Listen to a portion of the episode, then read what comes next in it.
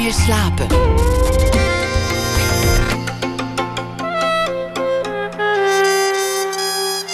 Met Floortje Smit. Welkom bij Nooit meer slapen. Je kijkt wel, maar je ziet niks. Dat zei de rijinstructeur van Janne Schraasdeegder. En dat werd de titel van haar eerste boek. Vol observaties van het alledaagse. Straks na één uur is zij te gast. En we reizen naar de Rotterdamse wijk Hoogvliet, waar rapper Hef opgroeide. Hij vertelt hoe zijn leven is veranderd sinds hij een succesvol rapper is. En Lucie Maan die leest een eh, verhaal bij het nieuws van de afgelopen dag. Maar eerst, nu, tot uh, één uur. Jaap van Hoewijk, al zo'n 25 jaar documentairemaker. Bekend van documentaires als Killing Time en Kleine Delicten. Hij maakte na met zijn debuut Procedure 769, waarin hij eh, elf getuigen van een executie in een gevangenis in Californië aan het woord liet. En sindsdien verdiept hij zich graag in misdaad en straf. En hij onderzoekt eigenlijk in veel van zijn werk of de waarheid wel volledig te construeren valt. Dat deed hij bijvoorbeeld in de indrukwekkende documentaire Familiegeheim. Die gaat over het jarenlang verzwegen zelfmoord van zijn vader. Of in eh, Kill Your Darling, waarin hij het cold case onderzoek volgt naar de moord op een jonge vrouw. Of natuurlijk in zijn nieuwste film Piet is weg. Daarin verdiept hij zich in de intrigerende zaak van Piet Beentjes, die in 1987 spoorloos verdween op Texel. Hij vertoonde wat gek gedrag op de dag van zijn verdwijning. Mensen die hem voor het laatst zagen, die vonden dat hij een beetje nerveus deed. Hij vertelt ook dat hij gevolgd werd. Had Piet, die eigenlijk helemaal geen psychiatrisch verleden heeft, een soort psychose? Of een geheim leven dat hem fataal is geworden? Was het zelfmoord of een misdrijf? De hele zaak wordt in Pietersweg eigenlijk met een minuut mysterieuzer. Waarbij het overigens niet helpt dat de politie de zaak 30 jaar eigenlijk amper heeft onderzocht. Tot nu dan, want uh, de zaak is na de documentaire geopend. Uh, morgenavond komt Pietersweg op televisie. De feestelijke wereldpremière was uh, vrijdag tijdens het ITVA. Dus je zou zeggen, ja, klaar. Maar je was vandaag nog op Tessel, heb ik begrepen, om toch nog te filmen. Ja, wij zaten vanochtend om uh, de boot van half één hadden we. Wat ging je daar nog doen? Nou ja, ik zit gisteravond uh, te wachten op mijn vrouw in een restaurant in Amsterdam. We zouden even wat gaan eten. En uh, toen kreeg ik een, een e-mail. In de film zit een koster de koster van een kerk in Texel. En die vertelt iets over de aard van het eiland. En die stuurde mij een e-mail over iets wat twee maanden geleden is voorgevallen. Zal ik hem lezen? Ja, lees hem voor. Okay. Beste Jaap. Wellicht is het toeval, maar in september jongstleden heb ik bij de kerk, tot mijn verbazing, een kist met beenderen en een kapotte schedel gevonden. Deze kist staat nu bij het Nederlands Forensisch Instituut, dus het NFI. Het laat mij niet los dat dat mogelijk met Piet Beentjes te maken heeft. Ook omdat het bekend was dat ik meedoe in de documentaire over Piet. Als koster van twee kerken op Tessel ben ik wel bekend hier op Tessel. Met hartelijke groet. Chris Peters. Wat dacht je? Ja, ik ben nog steeds spraakloos. Ik dacht, iemand heeft in de, uh, twee maanden geleden botten en een schedel met een gat erin in een kist gestopt en bij de kerk gezet. Vandaag ontdekte ik dat dat de plek is waar ook de kinderen vroeger te vondeling werden gelegd. Precies op die plek stond begin september een kistje hij vertelde dat het een heel mooi gemaakt kistje was. Beukenhout, heel mooi geschuurd, met pen- en gatverbindingen. En hij deed het open. En dat... Daar ontdekte hij tot zijn ontsteltenis. Natuurlijk. Ja. Dit zijn menselijke botten. En die man die doet veel begrafenissen. Hij ziet wel vaker botten. Hij zegt, die botten die hadden in tuingrond gelegen. Ondiep begraven. Dat wist hij. Dat kon hij zo zien. Dat kon hij aan de kleur van de botten zien. Dus toen heb ik gisteravond, ik zat in een première van een film. Prachtige film van Jessica Gorter. En die ben ik halverwege uitgegaan. Ik denk, ik moet een filmploeg voor elkaar krijgen. Want we moeten morgen naar Tessel. Want wie weet, kunnen we die man nog een keer spreken? Misschien wil hij dit aan ons vertellen. En ze hebben gelijk, die dachten vandaag lekker een dagje naar het ITVA te gaan. Die hebben alles aan de kant gegooid. Die zeiden, we gaan mee. Dus de ring was uh, kuifje, kuifje en kuifje op uh, onderzoek. En we werden keurig ontvangen bij de Chris Peters. Ja, ik wil het wel vertellen. Dus, dus we hebben de meest waanzinnige scène die ik ooit heb gedraaid... die hebben we vandaag gedraaid. En die moet als laatste in de film komen. Dus de film wordt aangepast. Ja, wordt die aangepast? Want hij komt morgen al op tv, toch? Ja, er is nu een akkefietje over met de tv. Die, dat ligt allemaal vast natuurlijk, die tijden. En dat, dat begrijp ik ook wel. Uh, maar dit is een scène... dat hoop je één keer in je leven mee te maken. Dat je dit, dit doet. Dit, dit in de schoot geworpen krijgt. Maar je weet het niet, hè? Je weet niet zeker of het Piet Beentjes is. Nee, maar daar gaat het ook niet om. Het gaat me erom dat er twee maanden geleden iemand botten in een kistje heeft gedaan en bij de kerk bezorgd. Met een hoofd, dat vergeet ik nog. Dat weet je zeker. Wie dat is, dat weet je niet. Wat ik ook zeker denk te weten, is dat de plek waar de botten hiervoor waren, naar iemand wijst. Ze moesten blijkbaar weg van de plek waar ze waren. Nou, meer conclusies heb ik niet. Maar dat lijkt me relevant voor de film. Want de film is niet zozeer een aanklacht tegen de politie. Ik bedoel, daar ben ik nooit op uit geweest. Maar wel, als je het allemaal bij elkaar legt... van als ik van de politie te horen krijg destijds... de regisseur die dat destijds heeft onderzocht... van nou ja, er was verder niks meer eh, te onderzoeken. Wij hebben al een getuige gevonden, die zit nu wel in de film. Die hebben we na 30 of na, na 28 jaar gevonden. Die zei, ik, ik ken die man, die heb ik in de auto gehad. Hij was bang. Hij werd achtervolgd. Er is wel wat uit te zoeken. Ja. En jullie hebben dat gedaan. Is nou, we hebben niks uitgevoerd. We hebben, wij leggen alleen maar vast wat er gebeurt eigenlijk. We doen alleen maar en toen en toen en toen.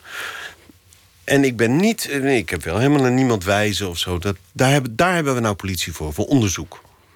Of onderzoeksjournalisten. Maar een filmmaker moet dat niet doen. Jij wil het alleen maar volgen. Ik wil er naar kijken. En dan mogen andere mensen, wiens vak dat is... en denk als eerste aan de politie... die moeten dan gaan zoeken. Want wie ben ik dat ik zeg van uh, Piet Jansen... die is wel heel verdacht. Dat mag ik niet doen. Daarvoor hebben we politie in dit land. Wat denk je zelf eigenlijk? Denk je dat het Piet is? Dat weet ik niet. Je hebt daar geen enkel gevoel bij? Of... Ja, weet je, ik, ik weet net zoveel als ik eigenlijk net vertelde. Ik weet dat dat gebeente naar het NFI is gegaan. Notabene. Die man... die belt natuurlijk de politie. Anderhalve week later reed de politie voor om de botten op te halen. Die politie weet dat er een... Er, is, er loopt nu een onderzoek. Ze weten al twee jaar dat ik bezig ben met die film. Maar na anderhalve week komen ze de botten ophalen. En ze zeggen tegen deze meneer... als u uh, nog van ons hoort... want hij zei, ja, hoor ik er nog wat van. Hij zei, als je nou nog wat hoort... dan uh, is er niks aan de hand. Als je niks hoort, dan is er wel iets aan de hand. We zijn nu 2,5 maand verder. Die man die zei: Ik heb geen zin meer om de politie te bellen. Hij zei: Ik ken u. Ik dacht: Ik bel u op. U bent de eerste die het nu te weten komt. Nou, ik voelde me eigenlijk wel geëerd. Zo van jeetje, Mina, dat hij dat vertrouwt. En de familie eigenlijk, van Piet? Heb jij die ingelegd? Ja, ik zat net nog met Toos aan de telefoon. Hou, tuurlijk, die hou ik zo goed mogelijk op de hoogte. Dat is haar broer. Kijk, voor mij is het uh, uh, ja, inmiddels ook wel een soort levenswerk aan het worden. Maar uh, het is niet mijn broer. Het is niet mijn wereld. Het, is, het beroert me wel. Maar mijn leven wordt niet ontwricht. Dat is van haar wel, hè? Al 30 jaar. Maar nou word je natuurlijk. Ja, dat is niet te doen, man. Zij had nooit een telefoontje gehad. Nee. De politie, een vandaag, die had interesse in dit onderwerp. Dat waren we van de week ook al. En die zei: eh, We gaan nu de politie bellen. Dus ik zei: Nou, moet die en die hebben. Die heeft hij opgebeld. Die wisten van niks. Dat de botten bij het NFI liggen. Dat weten ze niet. Ja, dan word ik echt. Dan, denk, ja, dan heb ik niet gelijk mijn mening klaar. Maar dan kan ik alleen maar zo mijn voorhoofd grijpen. Van ik word gek gewoon. Dat kan toch niet? Maar het is allemaal gebeurd vandaag. Dat is een bijzondere dag. Of gisteren. Ja, dat is gisteren. Ja.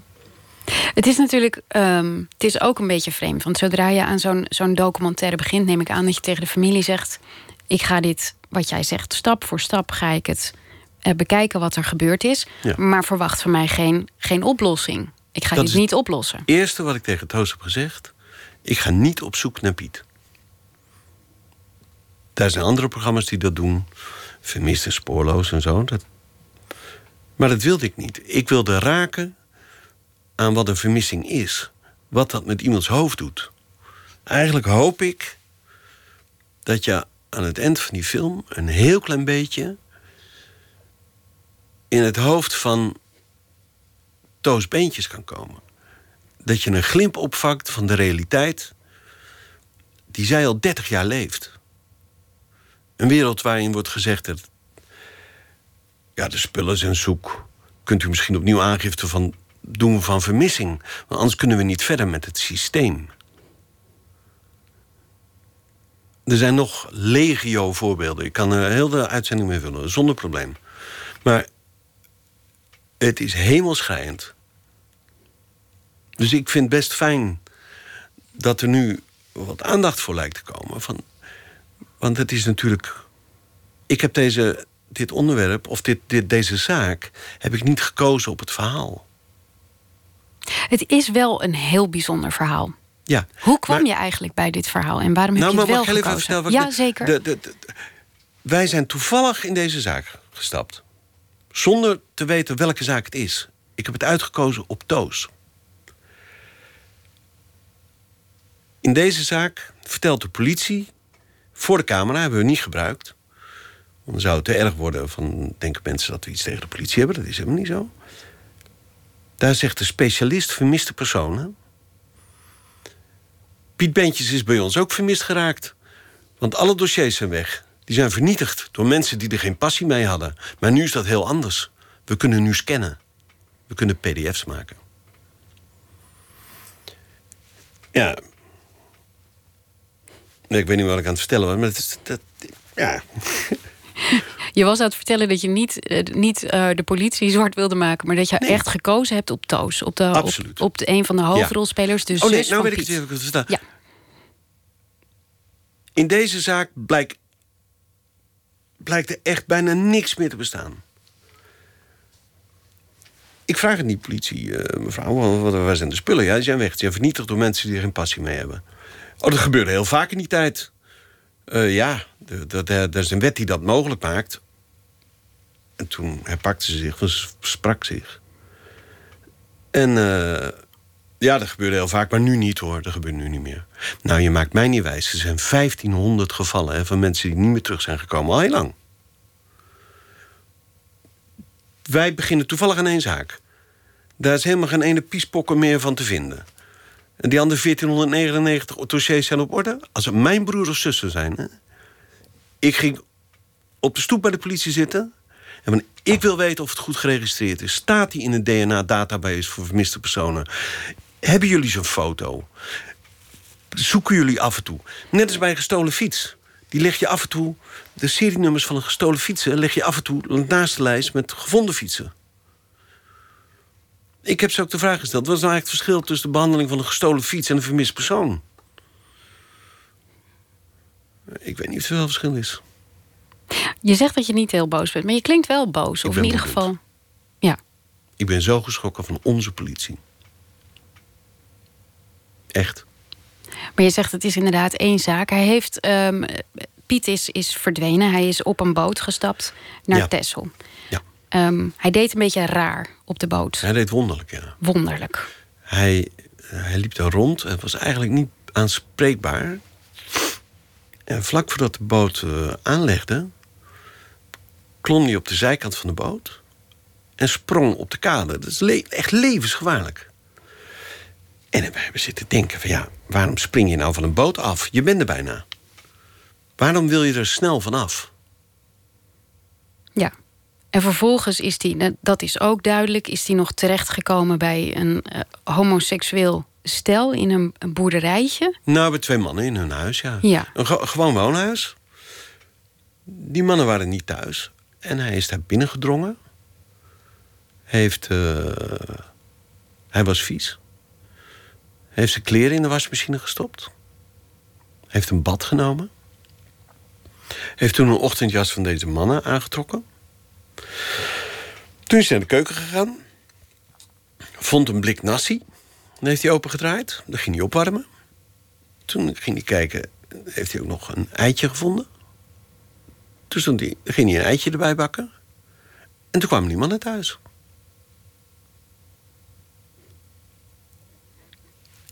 Is toch gek? Ja, het is bedoel, heel, dat is een gek verhaal, toch? ja, die film, daar zitten alleen maar gekke verhalen in. Oh ja? Oh. Ja. We hebben niks verzonnen, hè? We doen, eh, een, eh, Nee, maar er zitten een heleboel merkwaardige toevalligheden in. Het, het verhaal is inderdaad. Het is, het is vreemd. Bijvoorbeeld zo'n zo'n episode als dat hij nasi gaat opbakken bij volslagen vreemden thuis, is natuurlijk raar. Hmm.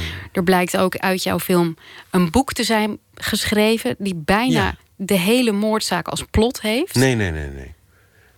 Het is een ander verhaal, maar dat boek speelt in 1987, rond Pasen. Dat was dit ook. Een homoseksuele man verdwijnt op Texel. Die komt op het strand twee mannen tegen. Ja, het had heel, heel eh, veel punten kwamen overeen. De constructie en het verhaal van het boek was anders. Maar ja, hoeveel homoseksuele mannen verdwijnen er in eh, mei, april, of in april 1987 op Texel? Het is een merkwaardig toeval. En dat zeg je zelf ook in de, in de documentaire. Nee, dat is toch. Maar ik, die man, ik, heb, ik heb die man zelfs gevraagd: Bent u Piet Beentjes niet? Moest heel erg lachen. Ik zei: Ik word helemaal gek, gewoon, kan dat nou?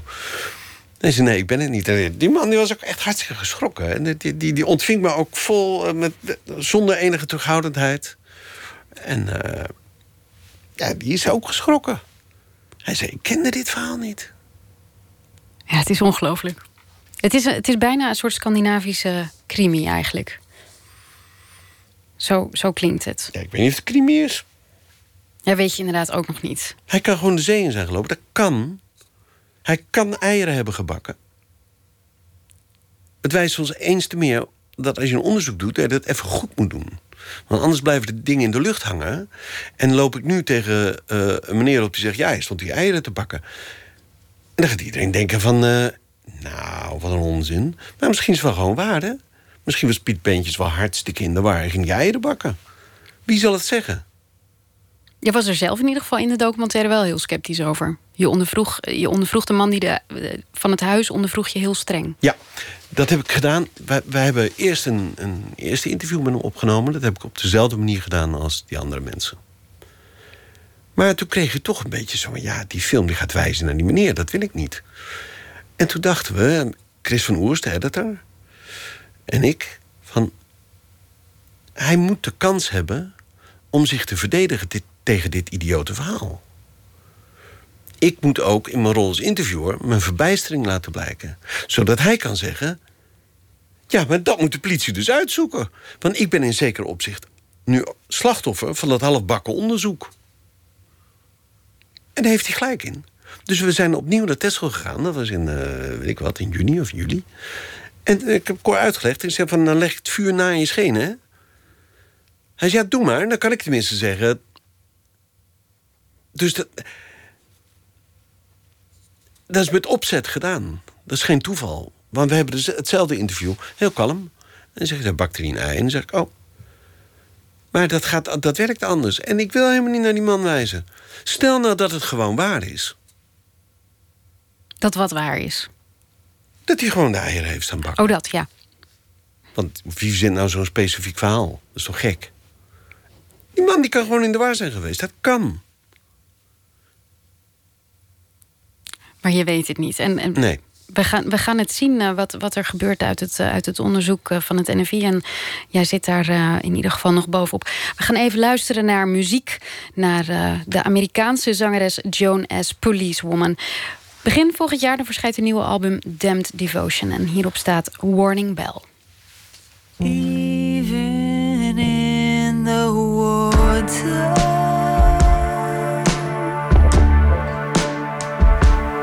you so soft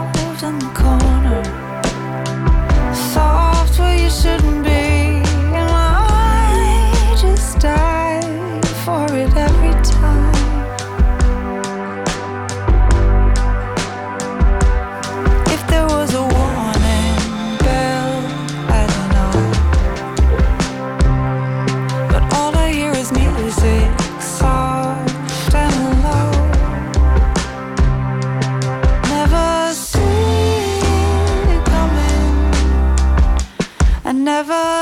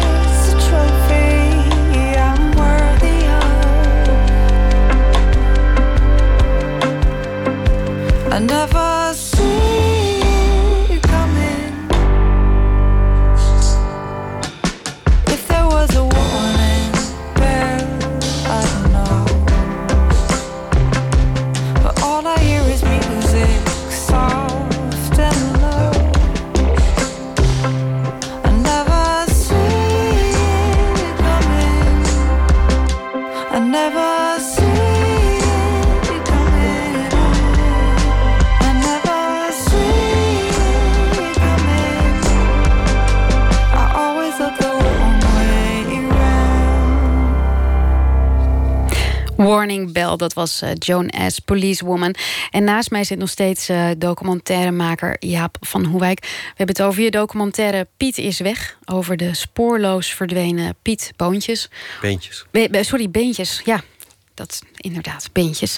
Ehm, op een hele mysterieuze manier is die, eh, is die verdwenen. Daar hebben we het net al over gehad. We hebben het er ook over gehad dat er mogelijk, of dat er in ieder geval een nieuw hoofdstuk aan het verhaal toegevoegd kan worden. Door, doordat er botten zijn gevonden op. Texel, waar hij verdwenen is eh, ruim 30 jaar geleden. En die botten zijn bezorgd. Ja, nou. En de botten zijn bezorgd in een heel mooi doosje. Met, met, ja, toch met liefde gemaakt. Je zei, eh, voordat we, voordat we in de studio kwamen, zei dit is, dit is een van de belangrijkste dagen van mijn leven. ja bijzonder. Ja. Er zijn er maar een paar. Ik heb ze zo zitten tellen. Welke waren het nog meer? Ik doe het even in chronologische volgorde, dan Ja. weet ik niks. Eh, Ik denk de eerste dat de dag dat mijn vader overleed, toen was ik elf. Toen de dag dat ik mijn vrouw leerde kennen, Charlotte. Toen de dag dat ik ontdekte dat mijn vader helemaal niet ten gevolge van een ongeluk was overleden, maar zelfmoord had gepleegd. Daar kwam ik 23 jaar later achter. En toen de geboorte van mijn kinderen. En gisteren was eh, de zesde. Ja. Dat meen ik echt. Waarom was dit zo bijzonder voor jou? Omdat dit een- een soort onverwachte uitkomst is? Of Ja, die film is in première geweest al. Die is klaar. Krijg je een e-mail van iemand die zegt... er zijn recentelijk heeft iemand anoniem... een heel mooi houten kistje bij de kerk gezet. Met botten en een schedel. Met een gat erin. In zijn voorhoofd. Ja, ik heb dat nooit meegemaakt. Dus dat onthoud ik wel even. Ja. Je vertelde net ook dat je, dat je eigenlijk op het eh, spoor was gekomen van deze zaak via Toos. De zus die al eigenlijk 30 jaar lang niet weet ehm, eh, wat er gebeurd is ehm, eh, met haar broer Piet. Ik dacht, misschien voel je je ook aangetrokken door dat onderwerp, omdat jij ook zo lang niet wist wat er met jouw vader gebeurd is. Want je, ehm, je moeder heeft je. Hoe oud was je toen hij overleed? Elf? Elf. Toen heeft je moeder gezegd het was een brommerongeluk. Ja. En daarna wilde ze er eigenlijk nooit meer over praten. En ze heeft er nooit meer over gepraat. Het, het was voor ons normaal. Papa, het woord papa viel bij ons thuis niet. Nee. Helemaal niet. nee. Durfde ik ook helemaal niet te noemen. Maar durfde, je dat, maar durfde je er ook niet naar te vragen? Nee. Dat was taboe geworden. En hoe merkte je dan dat het taboe was? Doordat ik er nooit over praatte. Dat was een knoop in mijn maag. En daar praat ik nooit over. Het was voor jezelf ook eh, een taboe. Nee, want ik dacht heel veel aan. Elke dag. Nog altijd. Je zei het, was een van de belangrijkste dagen van je leven. Op het moment dat ze je vertelde, weet je dan ook nog eh, dat je moeder het vertelde? Ja. Ja. Hoe ging dat? Nou, ik was eerst tussen de middag. eh, wij gingen al tussen de middag thuis brood eten. En toen werd ik opgevangen door een buurvrouw. Nee, je eet bij ons. Daar had ik een schurftekel aan. Die, hadden, die aat heel vies. En toen ging ik nog even naar huis. Van, dan krijg ik een snoepje om mee te nemen naar school. En mijn moeder daar zat een beetje. eh, ja, als ze heel erg gezweten had. Doet de deur open. Ik zei, ik kom eigenlijk voor een snoepje. Toen deed ze de deur weer dicht. Ze zei niks, ze de deur weer dicht. En toen kwam ze terug en toen gaf ze me een hele hand cola snoepjes. Nou, dat was niks van moeder, dat was altijd eentje hoor.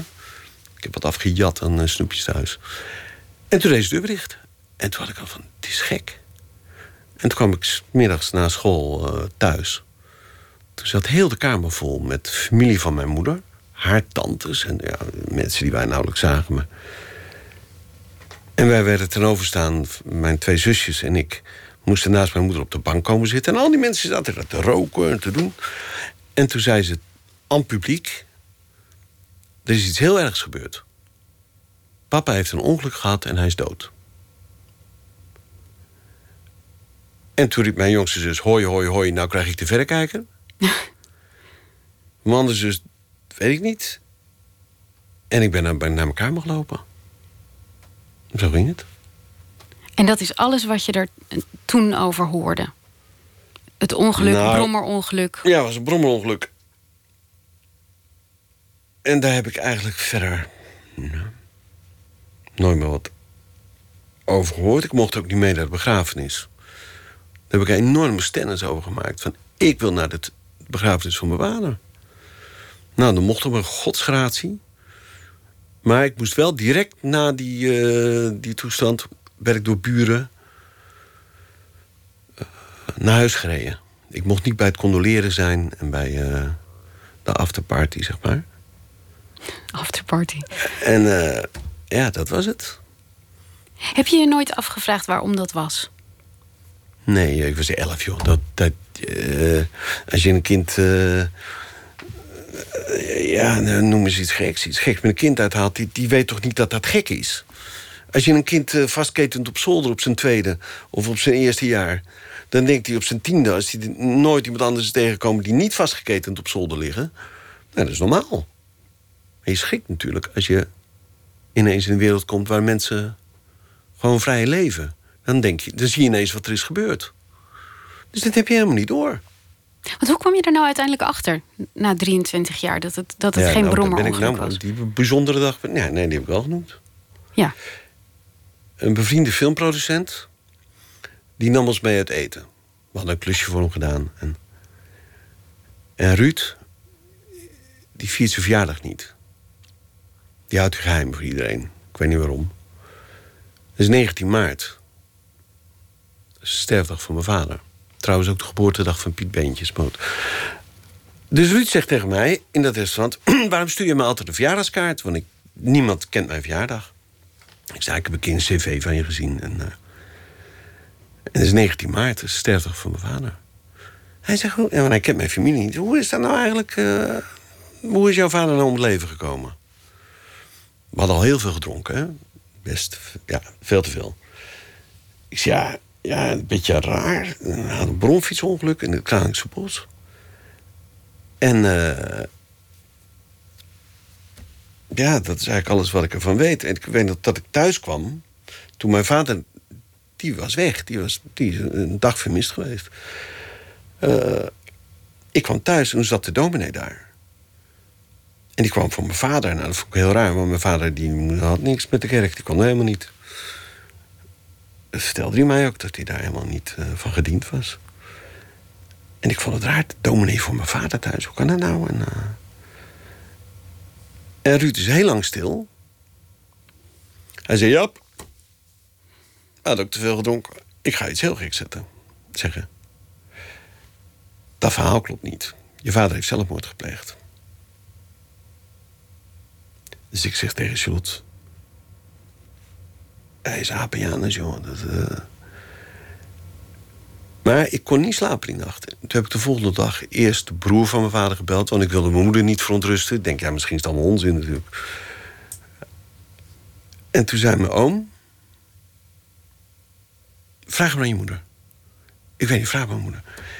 Ik zeg tegen Charlotte, het is foute boel, man. Hij weet veel meer. Dus ik bel mijn moeder op. Ik zei, ik wil eens wat weten over de dood van eh, papa. Hij moet dat nu, ik ben aardappels aan schillen. Ja, dat moet nu, ja. Zal ik naar Amsterdam komen? Nou, toen schrok ik echt. Want het ene moment ben je aardappels schillen, kan je niet. En het volgende seconde zeg je, zal ik naar Amsterdam komen? Ik zei, nee, nou wil ik het gelijk weten. Heeft hij zelfmoord gepleegd?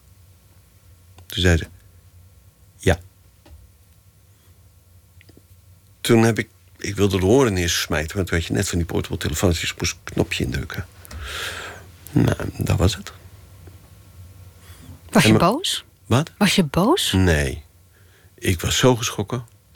Hetzelfde als je altijd aan de ketting hebt gelegen op zolder... en ineens ontdek je van, oh, Ik kan los. van, dit is allemaal niet waar dus. Wat is het echte verhaal? Dus ik heb mijn moeder teruggebeld. Ik heb eerst mijn zussen ingelicht. Van, eh, nou, eh, zo, zo. Dus wij gingen, wij, gingen die avond naar mijn moeder toe natuurlijk... om, letterlijk om verhaal te halen, om het verhaal te horen. Dus nee hoor, ik moet naar een verjaardag. Dus ja, kan je die niet afzeggen dan? Nee, ik ga met mijn tweede zus naar een verjaardag. Ik ga echt naar een verjaardag toe. Ik zei, we moeten het toch weten. Ja, dat kan morgen toch ook? En ze is naar een verjaardag gegaan. En ik heb die mensen gesproken die op die verjaardag waren. Er was niks aan te merken. En ik ben met mijn zus eh, bij elkaar gaan zitten met Charlotte erbij. En, eh, en de vriend van mijn zus. En we waren dus van... Toen hebben we heel de familie afgebeld. S'avonds. En die zei eigenlijk bijna allemaal van... joh, dat is al zo lang geleden, laat dat nou. Zo vervelend voor je moeder. Ik zei, ik ben er niet uit op mijn moeder iets... Ik wil gewoon weten wat er gebeurd is. Want waar ik altijd, wat ik altijd geloofd heb... dat is niet waar. Dus er moet iets voor in de plek komen. Ja. Er was één oom. de oudste broer van mijn moeder, dat was een, die hield zijn rug recht. Die heeft me wel verteld wat hij wist. Je hebt het hele verhaal heb je eigenlijk ook gereconstrueerd. Ja. Net als eh, Piet is weg, heb je ehm, met familiegeheim heb je ook stap voor stap gekeken wat er nou precies gebeurd is. Waarom als dat. Want het is nog steeds heel pijnlijk voor je. Waarom wilde je dat. ehm, wilde je die pijn in voor zo'n film? Ik wil die pijn helemaal niet in. Wel nee. Ik, mijn grote hobby. Maar je zegt, ah, de- ja, Jaap van is op zoek naar de waarheid. Dat is helemaal niet waar. Dat is echt niet waar. Wat mij interesseert. Bijna altijd, die film Kleine Delicten uitgezonden. Maar kun je nog reconstrueren wat er net is gebeurd? We zaten net hier in die wachtkamer. Kan ik nog reconstrueren wat daar gezegd is? Wie. Maar kan ik iets reconstrueren wat 30 jaar geleden is gebeurd? Kill Your Darling, die film over het politieonderzoek. was ik gefascineerd. Kunnen zij na. Nou, dat was eh, hoeveel jaar geleden? Nou, weet ik, weet ik meer. eh, na 18 jaar of zo. Nog reconstrueren. Wat, wat er is gebeurd. Wat ertoe heeft geleid dat er twee dames. zonder hoofd in het water zijn gevonden. Eentje Londen en eentje Rotterdam. Kan dat nog? Het gaat mij niet om spanning en sensatie. Het gaat me niet om politie of moord of doodslag. Helemaal niet. Het gaat mij alleen maar om... kun je dat nog terughalen? Mijn eerste film over die executie. Er staan 49 mensen te kijken naar hoe iemand vergast wordt. Kun je nog reconstrueren wat ze gezien hebben? Kun je erbij wat daar, wat daar is gebeurd in die ruimte? Ik heb de doktersrapporten. Die heb ik allemaal met hartslag. En hebben we, hebben we allemaal. Maar kun je reconstrueren wat er is gebeurd? Daar ben ik op uit geweest. En dit was een mooie aanleiding. Familiegeheim is niet, dan zeggen ze... ja, je bent eh, op zoek naar spanning en sensatie... misdaad en doodslag. Dat is niet zo. Want ik zit net te vertellen hoe ik erachter kom. Als ik timmerman was geweest... had ik waarschijnlijk misschien een heel mooie tafelgebak ge- gezaagd. Maar ik maakte films. Dat was toevallig mijn vak. Dus ik ben dat gaan uitzoeken. En van familiegeheim... Ik heb nooit de afscheidsbrieven van mijn vader ontdekt. Die heb ik nooit gevonden. Die had hij op zijn lijf. Die droeg hij bij zich. Aan mijn zusjes en mij. Nadat die film is uitgekomen, die is al lang klaar. En uitgezonden is en weet ik wat. Vind ik in Rotterdam een fotoboekje. Moord in Rotterdam. Met allemaal. Ja, dode mensen. Ik zat te kijken. En van. nou, Nee, mijn vader zat er niet in. Dus ik leg het boekje weg. En, eh, en de volgende dag dacht ik van, dat is best curieus... dat na zoveel jaar met dat toch als een reflex inschiet van... zou mijn vader erin staan, staan die brieven erin. Dus ik heb contact opgenomen met de auteur van dat boekje. Dat was Wil Pubbe, een forensisch rechercheur... van het zojuist opgerichte Cold Case Team. Heb een vraag. Ik ben niet op zoek naar lijkfoto's van mijn vader. Dat interesseert me niet. Maar ik wil weten of zijn afscheidsbrieven zijn gefotografeerd. Hij zei, ik ga mijn best voor je doen. We hebben alles vernietigd. Maar er ligt nog rommel en krimp aan de IJssel in de kelder. Ik ga kijken voor je. Drie dagen later belt hij me op. Dus ja, ik heb ze. Ik ben bevriend geraakt met Wil Pubbe. Die werkt bij het cold case team. Die doen niks anders dan het verleden reconstrueren. Dus ik vraag, mag ik daar een film maken? Dat heeft even geduurd voordat we toestemming kregen. Daar ging nog twee jaar overheen. En toen werd ik gebeld. Jaap, we hebben een, in 1990 een onthoofde en onthande eh, mevrouw gevonden in de Westersingel. We denken nu te weten wie het is. Is dat wat voor je? Ja, ik denk... Zij geven mij een cold case in Dordrecht of weet ik veel. Maar dit bleek een vermist Amerikaans fotomodel te zijn. En toen bleek er nog een tweede moord in Londen zijn, maar dat wist ik niet. Ik was geïnteresseerd in de politie die een zaak probeerde te reconstrueren. Kan je dat na zoveel jaar nog? En of die nou in Dordrecht of Zwolle of Zutphen speelt, dat maakte mij helemaal niet uit. Wist ik veel dat we daarvoor in Oostenrijk en in Londen en in Amerika en weet ik veel waar allemaal moesten filmen? Dat wist ik niet. En dan kun je naderhand wel zeggen, ja, ja, op zoek naar een, een, geil verhaal, zeg maar. Dat is het helemaal niet. Het was het wel. Maar daar was ik niet naar op zoek. Het, is, het, het interessante is, alle documentaires die je noemt, die, die eh, heb ik ook gezien. En ehm, ik begon me steeds meer af te vragen, want je stelt inderdaad heel erg die vraag van kun je, kun je waarheid nog. nog Nee, niet waarheid, maar kun je het verleden Ja, reconstrueren? Kun je het verleden Ja. reconstrueren? En ehm, volgens mij is het antwoord, als je inderdaad op zoek gaat naar waarheid, dan kan het niet. Dan, dan is dat ehm, nooit bevredigend. In ieder geval, je krijgt nooit heldere, pasklare antwoorden. Maar je kunt wel de verschillende visies op een... eh, nou, er staat hier een koffiebekertje. Als je er van 16 kanten naar kijkt... Een, een soort cubistisch... Dan komt er een werkelijkheid tevoorschijn... die je niet goed kunt benoemen... maar waardoor je wel meer gaat zien. Van, oh, alsof je dichter bij dat verleden kunt komen. Dat vind ik interessant. En dat, is was- inderdaad ja. interessant. Wat, je, wat jij nu zegt is eigenlijk verschillende visies vormen het verleden. Terwijl heel veel mensen toch zeggen het zijn gewoon de feiten. Dat is het enige wat je eigenlijk kan weten over het verleden. De kale feiten. Nou ja, maar dat is natuurlijk het fascinerende. Kijk, ik zet nou dat koffiekopje heel hard neer. Er is maar één ding gebeurd. Dat koffiekopje is op de tafel terechtgekomen. Dat kon je duidelijk horen. Maar wat heb jij nou gezien? Want jij keek mij aan, je zag het niet. En ik zat naar het koffiekopje te kijken. Wat is nou onze werkelijkheid? Dat is toch leuk? En dat probeer ik in bijna al mijn films, even kan, erin te frummelen. Dat, dat vind ik interessant. Jaap, we gaan eh, nog even luisteren naar eh, muziek. En wel naar de jonge singer-songwriter Sam Evian. Of Evian. Die komt uit Brooklyn, New York. En zijn inspiratie haalt hij uit eh, melodieuze jaren 70 pop. Dit is eh, I Need You.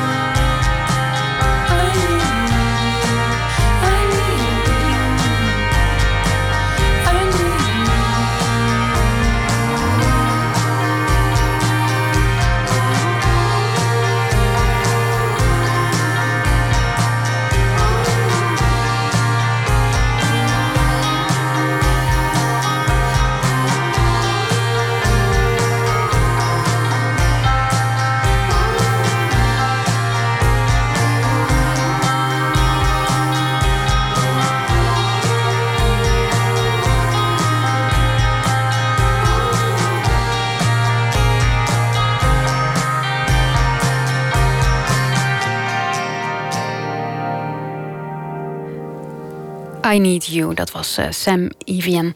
En uh, naast mij zit nog steeds uh, Jaap van Hoewijk van de documentaire Piet is weg. Via die weg kwamen we eigenlijk terecht bij jouw jeugd en jouw documentaire Familiegeheim, die eigenlijk gaat over hoe je reconstrueerde hoe jouw vader niet een brommerongeluk kreeg, maar zelfmoord heeft gepleegd in het, in het Kralingse bos. Je zei ook, ik, ik zei je houdt ervan om, om te kijken of, of je de waarheid kan reconstrueren. En toen was je heel veel en zei nee, het gaat mij echt om het verleden. Het, het reconstrueren van het verleden. Dat vind ik eigenlijk het belangrijkste. Had je trouwens, eh, want in, in familiegeheim zit bijvoorbeeld een. Um, uh, je komt er inderdaad achter hoe je vader precies is overleden. Dat was een hele akelige dood. Mhm. Had je dat willen weten? Ja. Dat Ja, maakt je niet uit. Nee, ik kreeg van Wil zelfs nog een boekje vergiften op het spoor, politieboek. Eh, ik zei, ik wil weten wat dat gif doet. En hij was regisseur. Komt hij met een boek aan en zei, hier, cadeau. Ja, ik vind het ook wel interessant. Ik bedoel, wat heeft het voor zin om het niet te willen weten? Wat heeft het voor zin? Nou ja, het, het is misschien pijnlijk. Ja, maar hij is al dood. Ja, dat is waar. En dat is natuurlijk verschrikkelijk. Het is een langdurige, pijnlijke shitdood. Ja. Een Amerikaanse gevangenisdirecteur die heeft eens een keer tegen me gezegd van... You can't sugarcoat death. Je bent, je bent vaak ook inderdaad, of nou ja, vaak. Je hebt twee documentaires gemaakt over, over Death Row. Over- Nou, over executie. Ja, ja. ja. Die eerste was, dat was mijn eerste film. Dat hoorde ik op de radio. 49 mensen hebben staan kijken. Ik denk, jeetje, wie zijn dat? En wat, wat voor kleren doen die aan? Doe je net eh, rouwkleding aan? Nee, hij is nog niet dood. Of, ja. Nou ja, dat heb ik uitgezocht. Toen dacht ik, dat is een film. En in 2012 of 13, toen werd ik benaderd door Erik Veldhuis, een filmproducent. En die vroeg me, heb je nog zin om je te verdiepen in een dorpje in eh, Texas? Waar de executies plaatsvonden. En daar had ik echt geen zin in. Van, ja, die heb ik al gedaan. eh, ik heb toch een beetje die naam. Ik zei, ah, misschien moet je gaan kijken. En het zou over een radiostation moeten gaan. Nou, dat was, dat was niet eh, een vruchtbaar uitgangspunt. Maar ik was in dat dorpje. En er gebeurde gewoon helemaal niks. Terwijl er achter die muur iemand doodgemaakt werd. Hè. De straat werd afgezet. Maar iedereen ging gewoon door. Wat gebeurt daar eh, iedere, iedere twee weken of zo. Nu wat minder. En ik dacht, ja, dat is eigenlijk heel mooi. Een film over niks. Dus zijn we op zoek gegaan naar een gezin. Of naar, naar een, iemand die terechtgesteld zou worden. En dan het idee was om zijn familie te volgen. En toen we uiteindelijk, dat heeft echt wel een jaar geduurd voordat we een goede hadden. Want dan hadden we niet alle partijen bereid gevonden om mee te werken. En dan kwam die executie eraan. Dan was je, ja, dan was je te laat. Dan moest je weer naar de volgende zaak. Uiteindelijk hebben we die fantastische familie gevonden in, in Port Arthur, helemaal in het zuiden van Texas. En we volgen die voornamelijk dames gedurende die dag. En die film met Killing Time. Niet alleen omdat er iemand eh, op een bepaalde tijd doodgemaakt wordt. Maar Killing Time is ook de tijd verdrijven. En die doen wat ze eigenlijk altijd thuis ook doen. Ze gaan in de poort zitten. Ze gaan zitten wiebelen. En de tijd doden op een telefoon. En die film die gaat eigenlijk ook over het doden van de tijd. Ze leggen En een puzzeltje. En we zijn door die mensen zo fantastisch ontvangen. Die hebben ons blindelings vertrouwd. Die lieten ons meegaan uiteindelijk naar de opbaring. Want dan wordt dan na die executie wordt hij als een speer naar de kerk gereden. Want dan is hij nog warm en dan kan de, de, de familie hem aanraken. En we waren daar met Adrie Schover de Diego van Uden, de geluidsman. En we hebben daar drie kwartier mogen filmen. Die mensen vonden dat... Ze vertrouwden dat. En die vertrouwden dat we de dingen die daar gebeurden, dat we daar discreet mee om zouden gaan. Dat hebben we ook gedaan. Maar er gebeurden dingen. Dat... Daar mochten we gewoon bij zijn. We hebben het gefilmd. En ze hebben erop vertrouwd. Jullie gaan niet alles laten zien wat hier gebeurt. Hebben we het verder geen eens over gehad. Wat voor dingen gebeuren er Ja, dan? die ga ik ook niet vertellen. Oké. Dat heb ik niet in de film gestopt. Dat is gewoon hun privacy.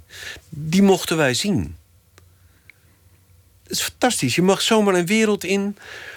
En dan wil jij zeggen: Ja, jouw broer eh, gaat er geëxecuteerd worden. Mogen wij jou filmen? En ze zeggen ja. En je mag zover een leven van een ander me- mens in. Ja, fantastisch. Dat is ook een hele verantwoordelijkheid. Zeker voor een filmmaker die zich zo goed realiseert hoe het werkt met, met visies en beeldvorming op, op onderwerpen. Je hebt ook vaak. ehm, je, je kiest ook een beetje de, de, de underdog eigenlijk, meestal in het verhaal. Ja? Nee, is dat zo? Ja, ik denk het wel. Ik denk het wel. Eh, Dat denk ik nooit over na even denken. Je kiest voor, voor de, het, het uitgangspunt is de familie van de ter dood veroordeelde. Nee, hoor, we en hebben niet ook direct... de familie van de veroordeelde gefilmd. Ja, maar de, de hoofdmoot is de familie van de dood. Ja, ter dat dood is de montage een beetje verschoven. Ja, dat klopt. Maar we hebben veel meer van die familie gefilmd. We hebben ook brandweermannen gefilmd en weet ik wat. En, eh, maar dat is allemaal niet gebruikt. Maar doe je dat, hou je er als documentairemaker dan rekening mee? Hoe mensen dus overkomen? Want je zei al van, Ja. wij mochten alle privé zien. Ja. Maar natuurlijk, je gaat ermee. Er gebeuren soms dingen voor een camera. Mensen verspreken zich. Ja, dat kan je allemaal. Ze, tekenen uiteindelijk nog op papier dat ze het goed vinden, hè, dat je het mag eh, gebruiken. Je, je kunt. eh, ja, je kunt hele gênante dingen op de tv brengen. Maar dat wil ik niet, want dan kan ik niet de volgende keer bij iemand aankloppen van... eh, zeg, mag ik u filmen? Dus ja, ik heb die film van je gezien, kijk wel uit. Nou, dan hebben ze groot gelijk. Dus ik ben daar heel zorgvuldig in. En ik vind, ik vind het een voorrecht elke keer. Dat als je zegt, ja, ik maak een film, mag ik eens bij u langskomen? En de deuren gaan open. En ze laten je toe. En ze laten even later een hele filmploeg toe. Die daar met statieven en lampen en microfoons staan. En ze doen dat gewoon. Die mensen vertrouwen je. Ja. Nee, heb je wel een verantwoordelijkheid, vind ik, als mensen je vertrouwen. Ja, het is natuurlijk ook ongelooflijk dat die mensen dat allemaal toelaten. Ergens. Ook. Want ze kennen je verder niet. Dus Nee, nou, dat vind ik interessant iets. Ik zeg wel eens tegen studenten van... bedenk goed dat als jij iemand wil researchen... die heb je al lang uitgekozen, je hebt dingen over hem uitgezocht. Nee, ik wil naar Henk toe. Want eh, die kan heel goed figuur zagen en eh, daarom willen we Henk filmen. Maar bedenk goed dat dat, dat dat bezoek van jou voor Henk ook een doel heeft. Die wil weten wie jij bent. En dat is veel belangrijker. Dus ik heb altijd vanaf mijn eerste film. Toen had ik nog geen kinderen, maar ik neem ik foto's van mijn huis mee, van mijn kinderen. Dan kunnen ze zien, oh ja, woont ook gewoon in een eh, gewoon huis. Dat is niet iemand van de tv. En, eh, ze moeten gewoon heel snel van, ja, dat is ook gewoon, gewoon een gozer. En die, die mondt dat ook maar voort. En, en dat vind ik heel belangrijk, dat mensen mij leren kennen. Want ik heb lang mijn huiswerk gedaan, ik weet echt wel wie ik wil hebben. En dat werkt. Dan, dan kom je op een ander soort eh, vertrouwensband bouw je Ik op. weet niet, ik heb het altijd zo gedaan. Ik weet niet of dat anders is. Ik, dat, daar ben ik natuurlijk nooit bij, bij andere makers die dat doen. Stel je je niet ook kwetsbaar op als, als maker dan? Ja, maar dat moet toch ook? Ik ben bij de broer van die ter dood voordeel van mijn eerste film geweest. Daar was ik met eh Richard Boonstra, de co-regisseur van die film. Die Randall, die, nou, dat is echt eh, een eh taaie jongen. Opgegroeid in de achterbuurt. Die zegt: Wat is het ergste wat je ooit hebt meegemaakt in je leven? Dat is het eerste wat hij tegen me zegt. Ik zei: De dood van mijn vader. En ik zat binnen een minuut met tranen in mijn ogen. Ja, kut, wat krijgen we nou? Ja, zo gaat het soms. Als jij eerlijkheid en openheid wil van, van degene die je interviewt. Ja, natuurlijk. En je hoeft niet een potje te gaan zitten janken. Maar mer- mensen merken wel of je eerlijk bent of niet. Mensen zijn niet achterlijk.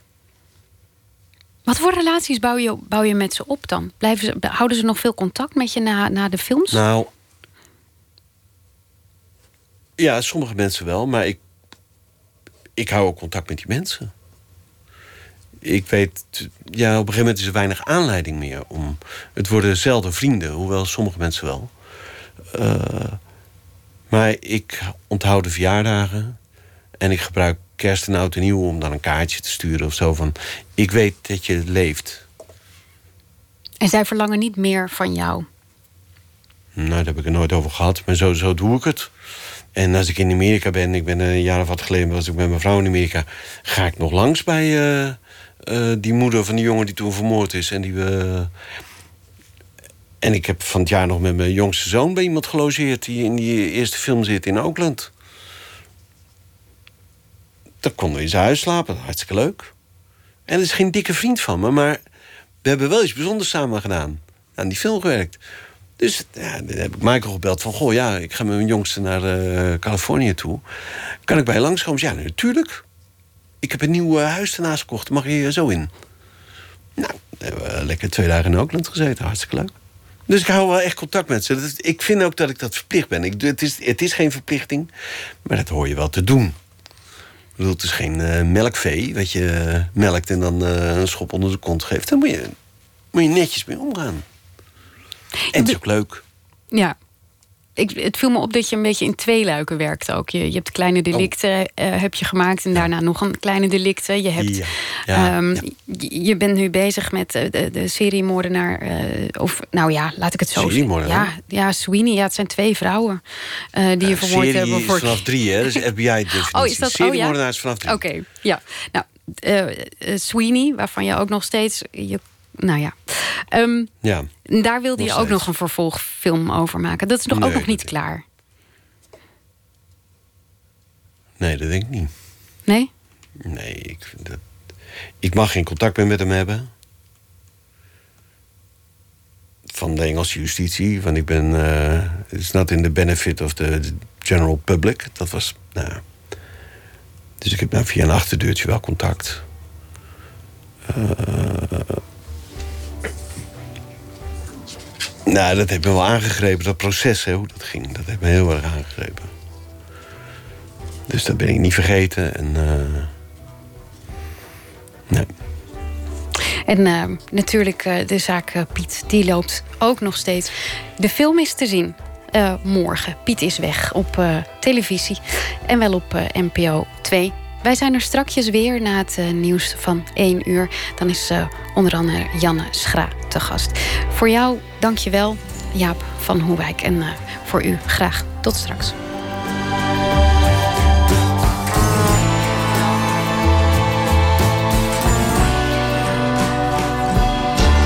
Op Radio 1, het nieuws van alle kanten.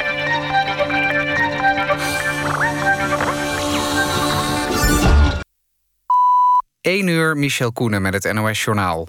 In de VS zijn twee prominente journalisten beschuldigd van seksueel wangedrag. Het gaat om Witte Huisverslaggever Glenn Thrush van de New York Times... en Charlie Rose, die programma's presenteert voor onder meer CBS. Beide journalisten zijn geschorst. Rose van 75 wordt beschuldigd van onder meer aanranding. Thrush zou vrouwen tegen hun zin hebben betast en gekust. Vaak zou er drank in het spel zijn geweest. De hoofdaanklager van het internationaal strafhof in Den Haag... wil onderzoek gaan doen naar oorlogsmisdaden in Afghanistan. Daaronder vallen ook meldingen van mishandeling en verkrachting... door Amerikaanse militairen. Het is voor het eerst dat Amerikanen onder de loep worden genomen. De VS is geen lid van het strafhof... uit angst dat Amerikanen niet eerlijk worden berecht. De Amerikaanse regering heeft gelijk laten weten... dat het onderzoek ongerechtvaardigd is.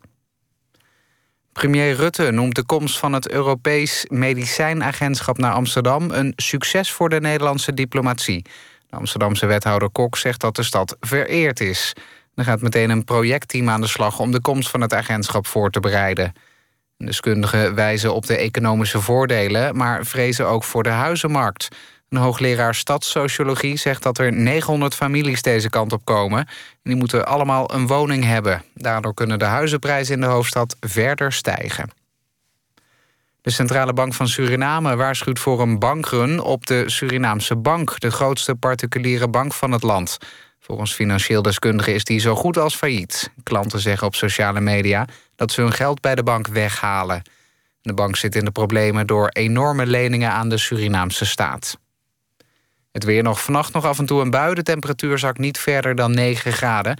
Overdag opnieuw bewolkt en regen. Later in het zuiden vaker droog. Het wordt een graad of 12. Dit was het NOS Journaal. NPO Radio 1. VPRO. Nooit meer slapen.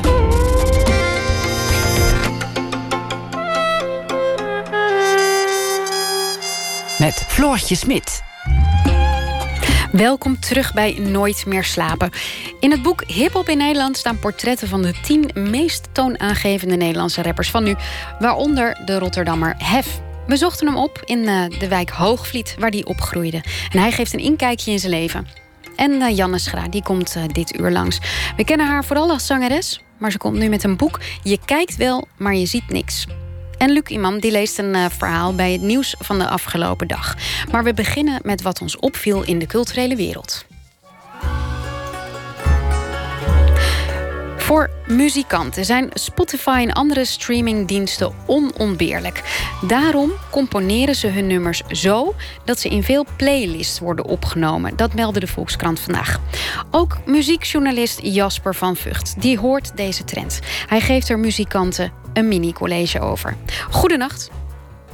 Goedenacht, uh, Floor. Allereerst, de, hoe doe je dat eigenlijk als muzikant? Je muziek aanpassen op Spotify? Um, aanpassen op Spotify, daar ben je al een stap te ver. Ik denk dat je als muzikant bezig bent met het schrijven uh, met Spotify in het achterhoofd. Als je schrijft voor de grote massa, uh, voor de doelgroep van Spotify, die Spotify gebruikt om muziek af te luisteren. Uh, dus je bent al bezig op het moment dat je aan het componeren bent. Ben je dan al bezig met hoe gaat het klinken op Spotify en gaat de data waar de, de samenstellers van de Spotify playlists um, gaat die data daar in mijn voordeel werken. Maar hoe doe je dat dan? Hoe maak je een liedje wat dan in je voordeel werkt? Uh, wat, wat je ziet is dat veel tracks die nu uh, goed werken op Spotify... Uh, dan heb ik het over popmuziek in de zin van populaire muziek... Um, rustige tempo's hebben, intro's hebben die, die echt het nummer intrekken en niet irriteren... Um, snel ter, ter zake komen, nog sneller dan, dan voorheen... Um, dus dat betekent dat je snel een, uh, een zanglijn hoort. Dat betekent dat je snel bij, uh, bij het refrein komt. Ja, ik ben misschien een, uh, een oude romanticus hoor, maar ik dacht dat muziek gemaakt werd met je hart en niet, niet volgens een formule. Ja, dan ben je inderdaad een romanticus. en ik denk dat het, ik denk dat het voor de meeste muzikanten wel opgaat. maar ja, goed, binnen de muziek heb je natuurlijk heel veel mensen die muziek maken. En ja, er zijn ook uh, genoeg muzikanten die er een kick uit halen om een, uh, om een hit uh, te schrijven. En nou ja, dat, als je dat kan is dat natuurlijk ook heel knap. En ja, dan, daar heb je bepaalde richtlijnen voor, of formules zou je bijna kunnen zeggen. Die je kunnen helpen om een liedje zo aantrekkelijk mogelijk te maken. Waardoor de kans groter wordt dat je een hit scoort. Ja, want... En dankzij Spotify is die, kan je die data eruit halen. En ja, die kan je natuurlijk in je voordeel gebruiken. Ja, want hoe, waarom is het zo belangrijk om in, in die playlist te komen? Want hoe worden die ook samengesteld? Uh, dat verschilt. Spotify heeft zelf uh, playlist samenstellers uh, in, in alle landen waar ze, waar ze werkzaam zijn. In Nederland hebben we er ook een, een aantal. Um, de Spotify maakt zelf playlists, maar je hebt ook bedrijven zoals Dixter en Filter die speciale Spotify playlists maken die erg populair zijn. En als je inlogt op, op Spotify, dan kan je die ook vinden op de voorpagina. Um, en je hebt natuurlijk gewoon mensen zelf. Uh, ik weet niet, ja, ik weet niet, je zal ongetwijfeld als je Spotify gebruiker bent ook playlists hebben. Ik heb er ook uh, een aantal. En uh, ja, er zijn 2 miljard playlists op Spotify. En dat op 30 miljoen liedjes. Dus het geeft wel aan hoeveel playlists er zijn. En het is gewoon, het is vrij simpel. Als je in zo'n playlist staat, dan word je gewoon vaker beluisterd. Ja, sommige van die playlists van Spotify, er staan miljoenen mensen op die die ja, telkens voorzien worden van nieuwe muziek. En daar dus ook uh, vaak naar luisteren, juist omdat ze vaak ververst worden. En ja, als je weet dat jouw liedje in zo'n playlist staat met een paar miljoen uh, uh, abonnees... ja, dat doet natuurlijk enorm veel voor de hoeveelheid keren dat mensen jouw nummer luisteren. Maar dan moet je natuurlijk wel een goed nummer hebben wat, wat makkelijk in het gehoor ligt... en wat mensen direct bij de kladden grijpt. Ik vind het wel interessant dat zo, zoiets als een technologische ontwikkeling... eigenlijk effect heeft op, op de muziek. Dat heb je wel vaker gezien volgens mij, toch? Ook met de lengte van LP's? Ja, dat is, uh, dat is zo oud als, uh, als de techniek om muziek op te nemen zelf. En de reden dat, dat liedjes ooit, popliedjes ooit 3,5 minuut waren... was omdat er niet meer ruimte was op een vinyl single. Ja. En, en, dus, ja. Wanneer, wanneer begon jou dit eigenlijk op te vallen? Um, ja, dat, ja, je ziet natuurlijk gewoon ontwikkelingen in de popmuziek bepaalde trends die, uh, die, uh, die veel artiesten die, eh, die zich echt specifiek richten op de hitlijsten, die, eh, die ze toepassen. En ja, op een gegeven moment merk je dat er, dat er weer iets nieuws gaande is. En ja, dan ga je eens kijken wat, er wat ze dan gemeenschappelijk hebben. Nou ja, dan komt dus dit naar voren. Jij geeft... Maar goed, ik bedoel, er zijn, er zijn, er zijn ook er zijn gewoon tactieken hè, die je kan toepassen. En, een, een klassiek popliedje zit heel simpel in elkaar met een intro, en, uh, een couplet, een refrein, een couplet, een refrein, een brug en dan nog een keer een, uh, een refrein en misschien nog een herhaling en dan een, en dan een outro. Ik bedoel, dat is een klassieke popliedje. En daar kan je natuurlijk op variëren. En als je ziet dat er veel op dezelfde wijze gevarieerd wordt, ja, dan kan je spreken van een trend. Kun je, echt, kun je een nummer noemen waarvan je echt denkt, ah, dat is echt gewoon geschreven voor Spotify? Um, ja, ik zat te denken aan, uh, aan, aan Perfect van Ed Sheeran. Dat vind ik een goed, uh, goed nummer. Um, omdat je ziet dat hij uh, echt het nummer intrekt. Je hebt dus gelijk een goede setting. Zijn stem komt er vrij vroeg in. Dat zie je ook bijvoorbeeld bij What About Us van Pink, die nu opeens staat in Nederland. Die stem komt er heel snel in en ook betrekkelijk snel, na 50 seconden, het refrein. Um, en bij Despacito ook. Als je de remix pakt van, met Justin Bieber dan heb je gelijk een herkenningselement. Dat zie je nu ook heel veel gebeuren. Uh, herkenning werkt heel goed. Als er een nieuw nummer opkomt uh, in een playlist en je herkent gelijk iets, bijvoorbeeld een sample of een stem, ja, dan is de kans groter dat je blijft hangen, omdat die herkenning werkt. Nou ja, met die remix van Despacito heb je Bieber meteen, Justin Bieber. Die zit direct aan het begin. Nou, dat hebben ze heel snel, heel slim ingeplakt. Ik ga voortaan met uh, hele nieuwe oren luisteren. Dankjewel, muziekjournalist Jasper van Vught. Geen dank, Flotje.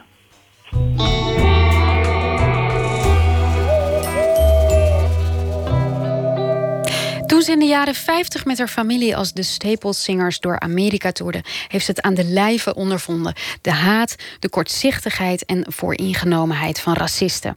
En ze ziet het nu weer. Of nog steeds misschien. Mavis Staples die doet het enige wat ze daartegen kan doen. Ze zingt erover. Op haar nieuwe album If All I Was Was Black staat onder andere dit: We Go High.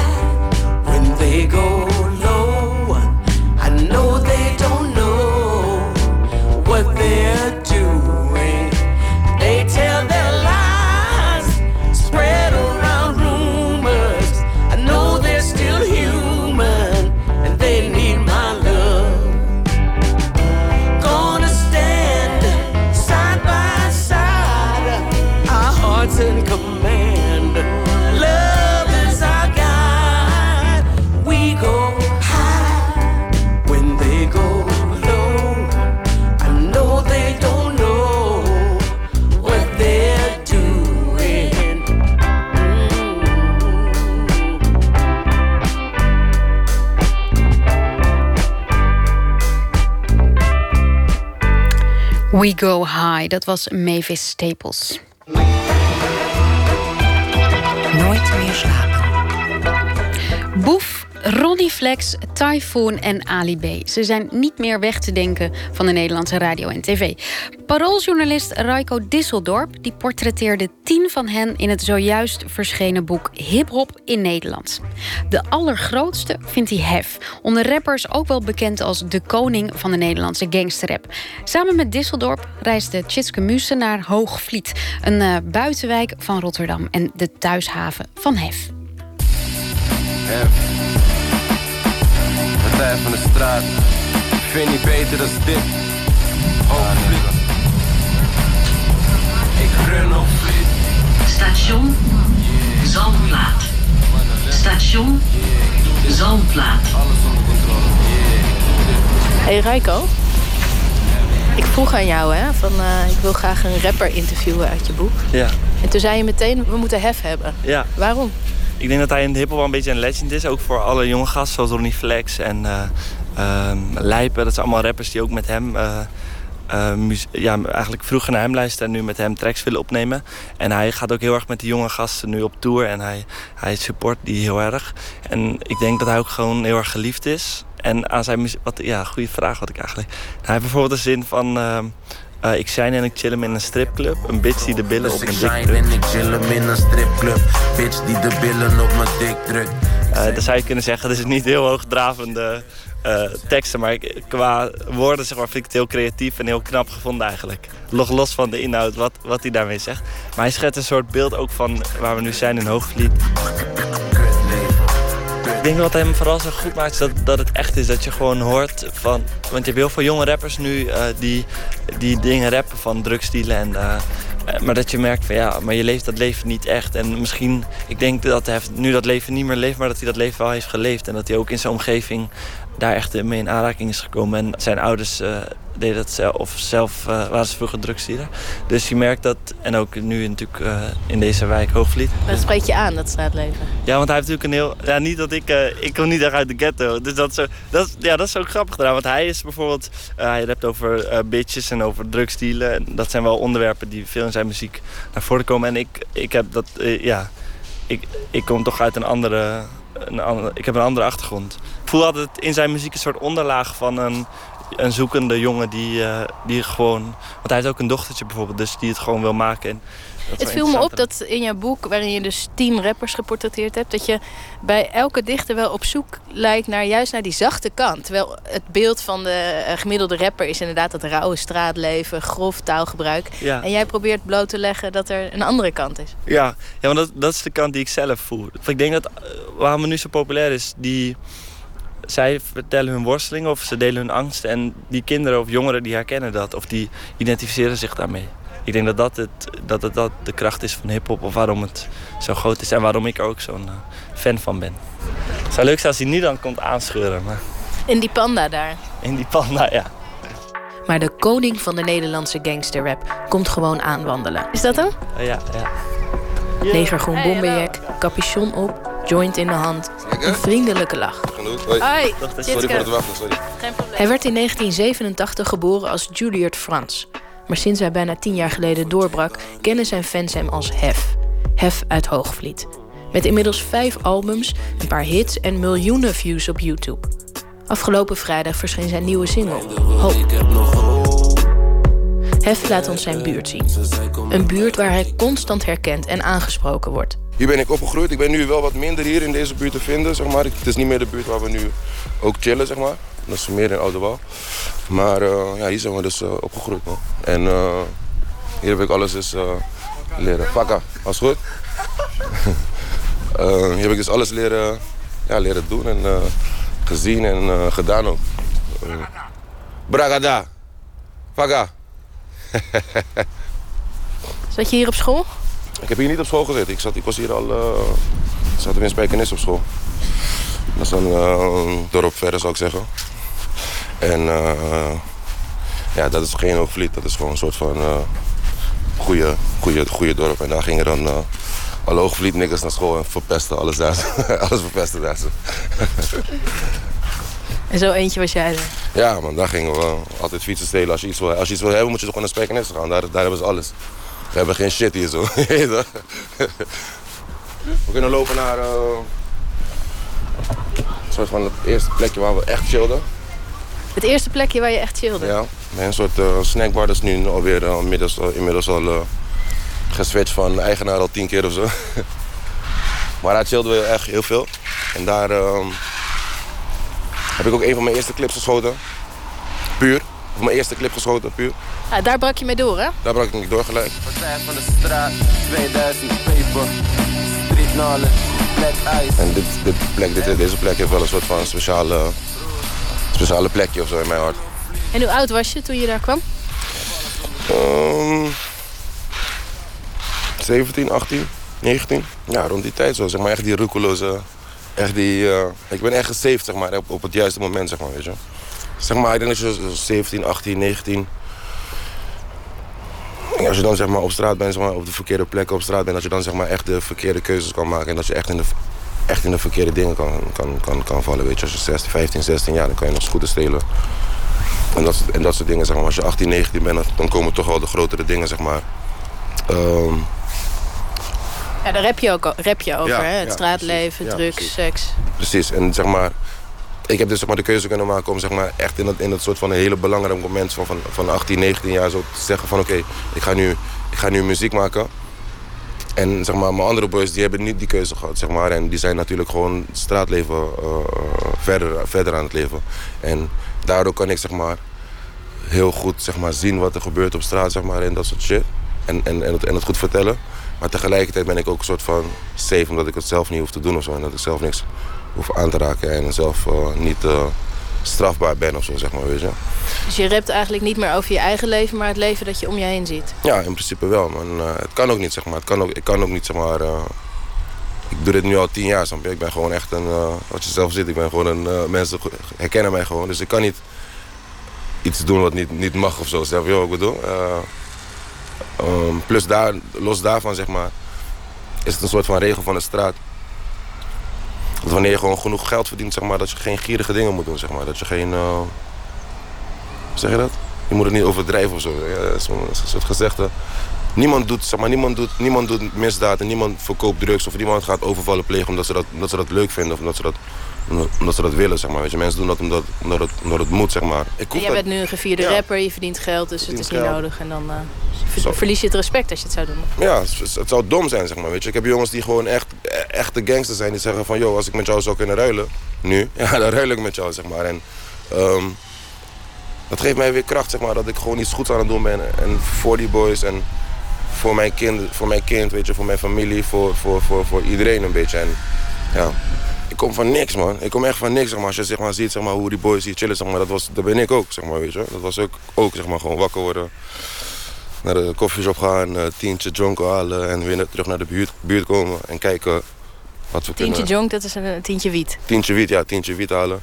Eh, en dan weer terug naar de buurt komen. En dan gewoon hangen man, voor de praktiek, kijken wat we gaan doen.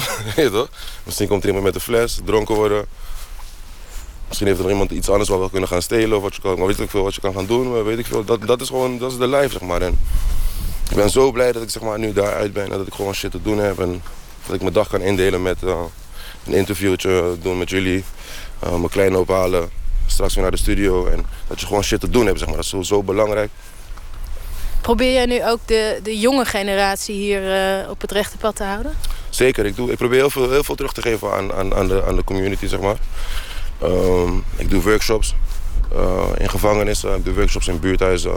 Ik praat sowieso met iedereen, zeg maar. Weet je, wat ik in mijn liedjes vertel, zeg maar ook. ehm, is niet per se zeg maar, hoe ik zeg maar, over het leven denk, zeg maar, weet je. Het is ook raar toch, zeg maar, om eh, tegen een jonge boy, jonge boy te zeggen van ja, ga auto's huren en eh bitches neuken en jonko roken en chillen en, eh en feunen en weet ik veel, zeg maar. Dat zou ik nooit zeggen, zeg maar, één op één. Maar in mijn liedjes zeg ik wel dat, zeg maar. En ik promote het ook niet in mijn liedjes, ik zeg dat ik het doe. Maar ik kan begrijpen dat mensen dat ook willen doen dan, zeg maar. Ehm, Maar aan de andere kant, je hebt ook een voorbeeldfunctie. En er is natuurlijk, de kritiek is wel dat je dus bitches en dat het vrouwenvriendelijk is. En... Ja, maar het ding is, zeg maar, dus dat, en, dat, en dat merk ik dan heel erg bij die, bij, bij in, de, in, de, in, de, in de buurthuizen en in de gevangenissen vooral, zeg maar. Dat juist omdat ik zeg maar, door, door dat soort dingen te zeggen, ehm, heel erg kan, eh, kan, eh, kan linken, eh, kan relaten met mij, zeg maar. En do- door dat, zeg maar, kan ik dan ook zeg maar, weer een soort van goede boodschap erin proberen te proppen, zeg maar, weet je. Eh, en ik ben daar echt mee bezig, zeg maar, om te checken hoe kids werken en hoe kids denken. En dat is ik nu ook een dochtertje heb en dat ik dat gewoon, ik wil dat gewoon goed doen. En vooral omdat ik zeg maar, zelf allemaal fucked up shit gedaan heb, zeg maar, wil ik dat zeg maar, weten. Hoe kan ik dat zeg maar, juist goed doen met haar, weet je. Een soort ga je. Waga. Je bent er? Wat doe? Reis dan. Tot slot, wat is het nummer waar jij het meest trots op bent? Eh, het nummer waar ik het meest trots op ben is een nummer die heet Droom. Eh, dat is een, eh, ja, een soort van mijn enige normale liedje waar ik niet in scheld. ik zeg één keer, één keer bitch volgens mij. en dat doet mijn broertje ook, ja. Maar dat is wel het liedje waar ik het meest trots op ben. Ik denk dat het ook het liedje is eh, waar mensen ehm, die nu misschien aan het programma aan het luisteren zijn, eh, zoiets hebben van oké, misschien snap ik hem wel, weet je.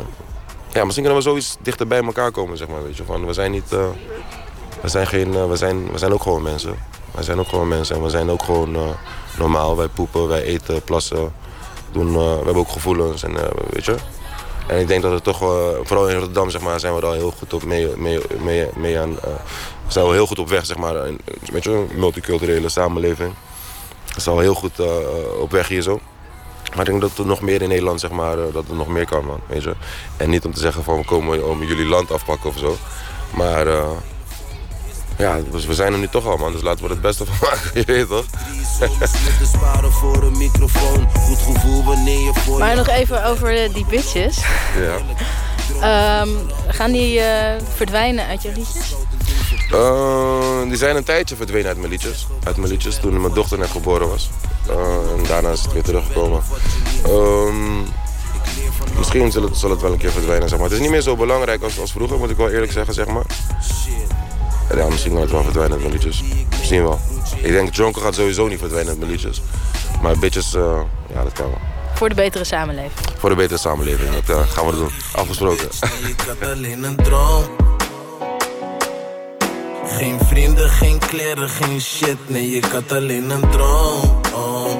En niemand weet hoe het begon. Ik heb geslapen op de grond, dat allemaal voor mijn droom. Oh. Niemand snapte waarom, die mensen noemden me dom. Dat allemaal voor mijn droom. Oh. In de streets op en neer met een droom, broertje. Ik was net als jou. Ik was net als jou. Bleef geloven in mezelf, hard gewerkt en nu heb ik wat ik wou. Oh. Nu heb ik wat ik wou. Oh. Nu heb ik wat ik wou. Oh. Nu heb ik wat ik wou. Je moet geloven in jezelf, broertje. Niemand gaat geloven voor je. Leerde zorgen voor mezelf. Niemand smeerde broodjes voor me. Moest fietsen naar mijn werk in de regen. Wekker ging om half zeven, maar zo wou ik echt niet leven. Dus ik zei mama, ik ga het maken met muziek. Raakte mensen in hun hart en rappers raakten in paniek. Weinig slapen, dus nu droom ik met mijn ogen open. Je krijgt niet alles wat je wilt, maar je moet blijven hopen. Of gers een kraantje papi, allebei beroven. Begon beneden, hard gewerkt en nu zijn we boven. Dus nu blijven slapen, doe je ding.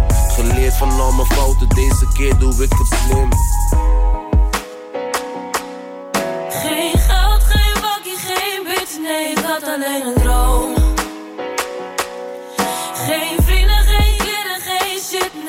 had alleen een droom. En niemand weet hoe het begon. Ik heb geslapen op de grond, dat allemaal voor me. Droom. Niemand snapte waarom, die mensen noemden me dom. Dat allemaal voor me. Droom.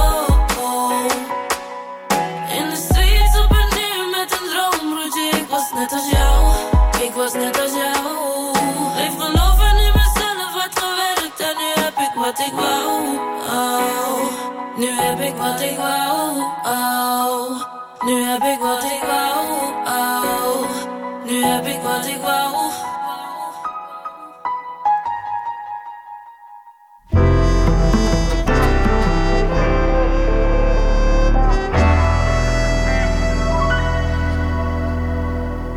Rubriek Open Kaart. De gast trekt kaarten uit een bak met 150 vragen over werk en leven. En dit keer doen we dat met zangeres en schrijfster Janne Schra. We kennen haar natuurlijk vooral van haar muziek. Janne Schra brak door met de band Room 11 en daarna begon ze Schradinova. Inmiddels is ze alweer een jaar of vijf, treedt ze op uh, onder haar eigen naam en ze werkt regelmatig samen met andere artiesten. Eerder dit jaar zette Janne Schra samen met het Noordpoolorkest de gedichten van Vasalis op muziek. En nu is er een boek. Je kijkt wel, maar je ziet niks. Met observaties van het alledaagse over aluminiumfolie bijvoorbeeld of kale kiwis. Welkom, Janne Schra. Kale kiwis. Die slaan we even over. Um, want ik vond, ik vond ja, de bijzonder. titel... Ze zijn toch heel bijzonder? Denk Ja. oh, Wauw, kale kiwis. Kale Ja. kiwis. Ja, absoluut. Eh, Ik vond de titel al eh, echt heel prachtig en poëtisch. En kwam er dus inderdaad achter in het boek... dat hij gewoon van je rijinstructeur kwam. Ja, ja inderdaad. Waarom zei hij dat tegen je? Nou, ik, ik lette gewoon. Ik keek wel in mijn spiegel. Ik keek heel erg uit, eh, uitdrukkelijk keek ik in mijn spiegel. Gewoon eh, in alle spiegels.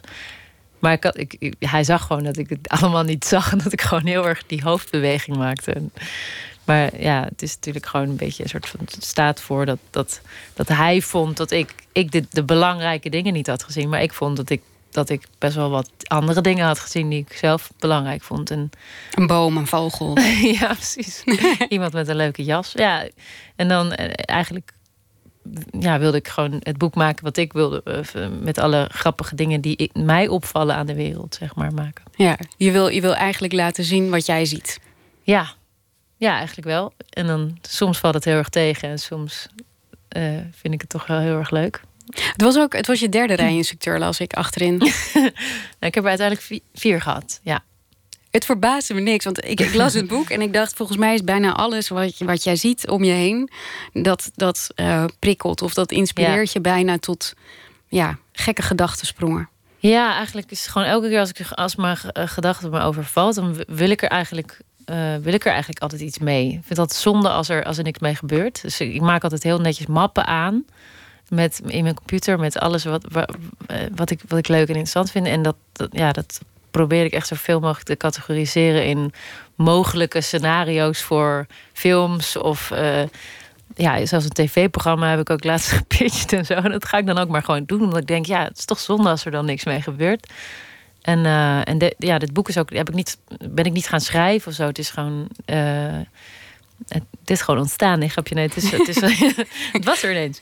Ehm, nee, dat, ja, ehm, dat is gewoon een verzameling van ideetjes... die eigenlijk niet in een liedje konden, zeg maar. Of niet eh, tussen de nummers door op een podium verteld konden worden. Dus ik vond het zielig voor ze dat ze gewoon nog geen plek hadden.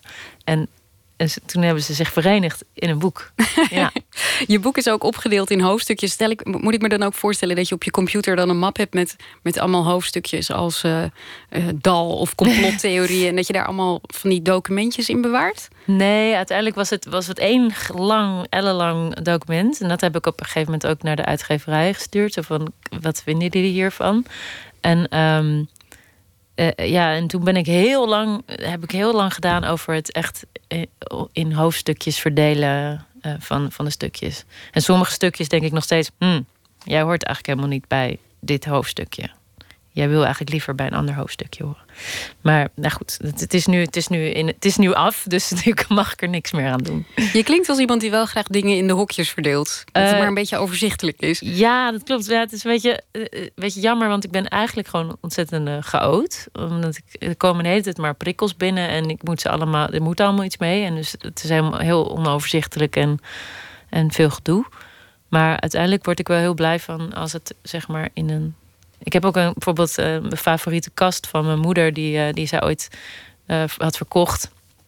Wat ik heel zonde vond, want toen ik heel klein was, wa- was gewoon een hele lange, lange ladekast met, ik denk wel, eh 30 laadjes of zo erin. En dat was echt, dat dacht ik, oh fijn, dan kan je het allemaal in, verdelen. Maar ehm, die, eh, die, heb, die heeft ze nou weer voor mij op Marktplaats gevonden. Dus ik heb nu weer zo'n kast. Heel blij mee. Maar dat is, ja, dat is een beetje hoe ik, hoe ik eh, de, pro- probeer te leven. Dat ik, dat ik, ik wil al die dingen wel. eh, ik wil ze niet. hoe zeg je dat? Afketsen of zo.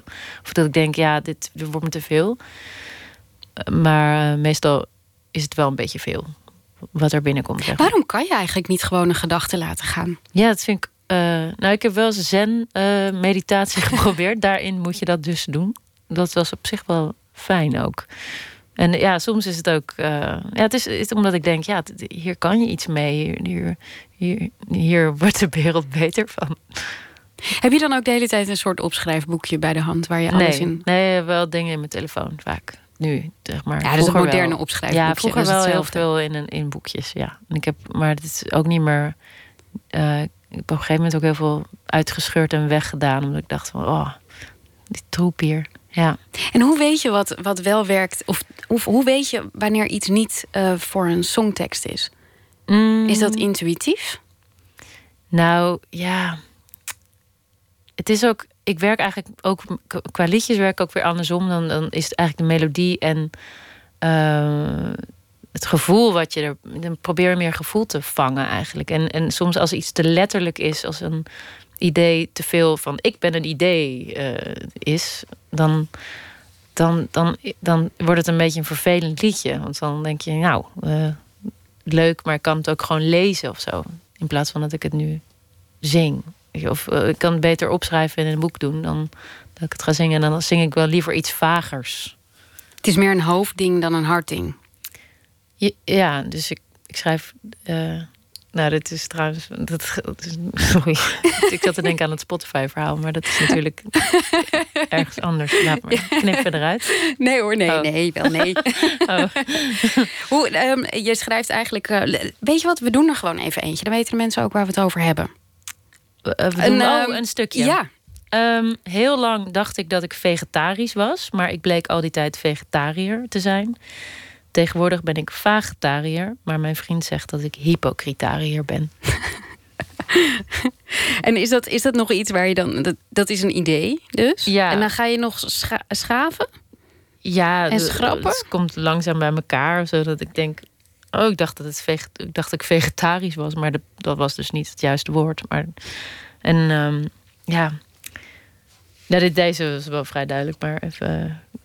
mhm, mhm. Even Het is niet alleen maar... Het is allemaal heel grappig. Maar nou, het is sommige, niet, alle- zit- niet alles is grappig hoor. Nee, ook er niet zo grappig een- bedoeld. Ook, zeg maar, soms is het ook wat, wat meer eh, gevoelig dingetje. Of, ehm, nou ja, ik kwam erachter dat iemand die al overleden was... eh, nog steeds in mijn telefoon staat. Maar dat vind ik ergens wel prettig. Dat ik gewoon nog steeds de mogelijkheid heb om diegene te bellen. En dat vond ik ook een mooi, mooi gegeven om, ja, om op te schrijven ook dan. Dat, eh, soms dat je het leest dat je denkt, oh ja... ehm, eigenlijk is het fijn dat iemand nog steeds aan in je telefoon staat. Maar dat is dan niet, niet grappig bedoeld of zo, maar het gewoon... Het is wel alsof je met het boek een soort kijkje in je hoofd hebt, hè? Ja, ja, en soms is het ook dat ik denk, oh jee, wat heb ik nou weer allemaal... Is dat erger dan met liedjes? Eh, ja, want het is toch een beetje wat, ver, wat verbloemd meer, zeg maar. Dat je, eh, en je, je zingt het vaak ook wat onduidelijker, zeg maar. De tekst hoor je niet altijd. En soms hoor je na jaren pas wat iemand eigenlijk zingt, qua tekst. Dus ehm, dat is allemaal wat minder direct. Ja. ja.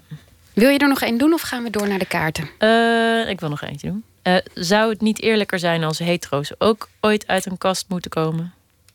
Ik bedoel, het is toch zielig. dat Goed zij- punt. Ja. Goed punt, ja. Mm. Eh, volgens mij is de ware vinden net zoiets als een sleutelbos. Als je niet zoekt, vind je hem. Theoretisch gezien moet de ware bij mij dus gewoon in mijn tas zitten. Nadat ik eerst alles in huis hysterisch omver heb gegooid. Ja, prachtig. Nou, We moeten nu echt naar de kaarten, anders hebben we daar straks geen tijd meer voor. Pak er één. Ja, pak ik heel snel, oké? Ja, pak hem heel snel. Lees Wie voor. ga je uit de weg? Oh. Ja, stilte.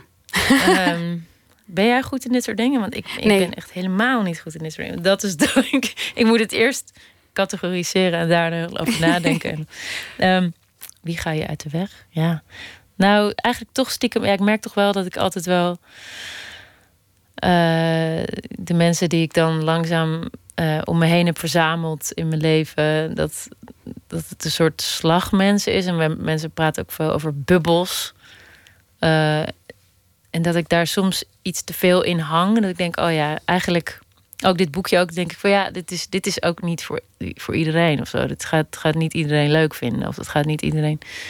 En dan, eh, maar dat, dat vind ik ook eigenlijk wel oké. En ik denk dat dat eigenlijk ook wel menselijk is. En dat, dat mensen die eigenlijk gelijk uh, een oordeel vellen. Of, of, en die ook in dat oordeel ook lijnrecht tegenover uh, wat, ik, wat ik vind of hoe ik denk.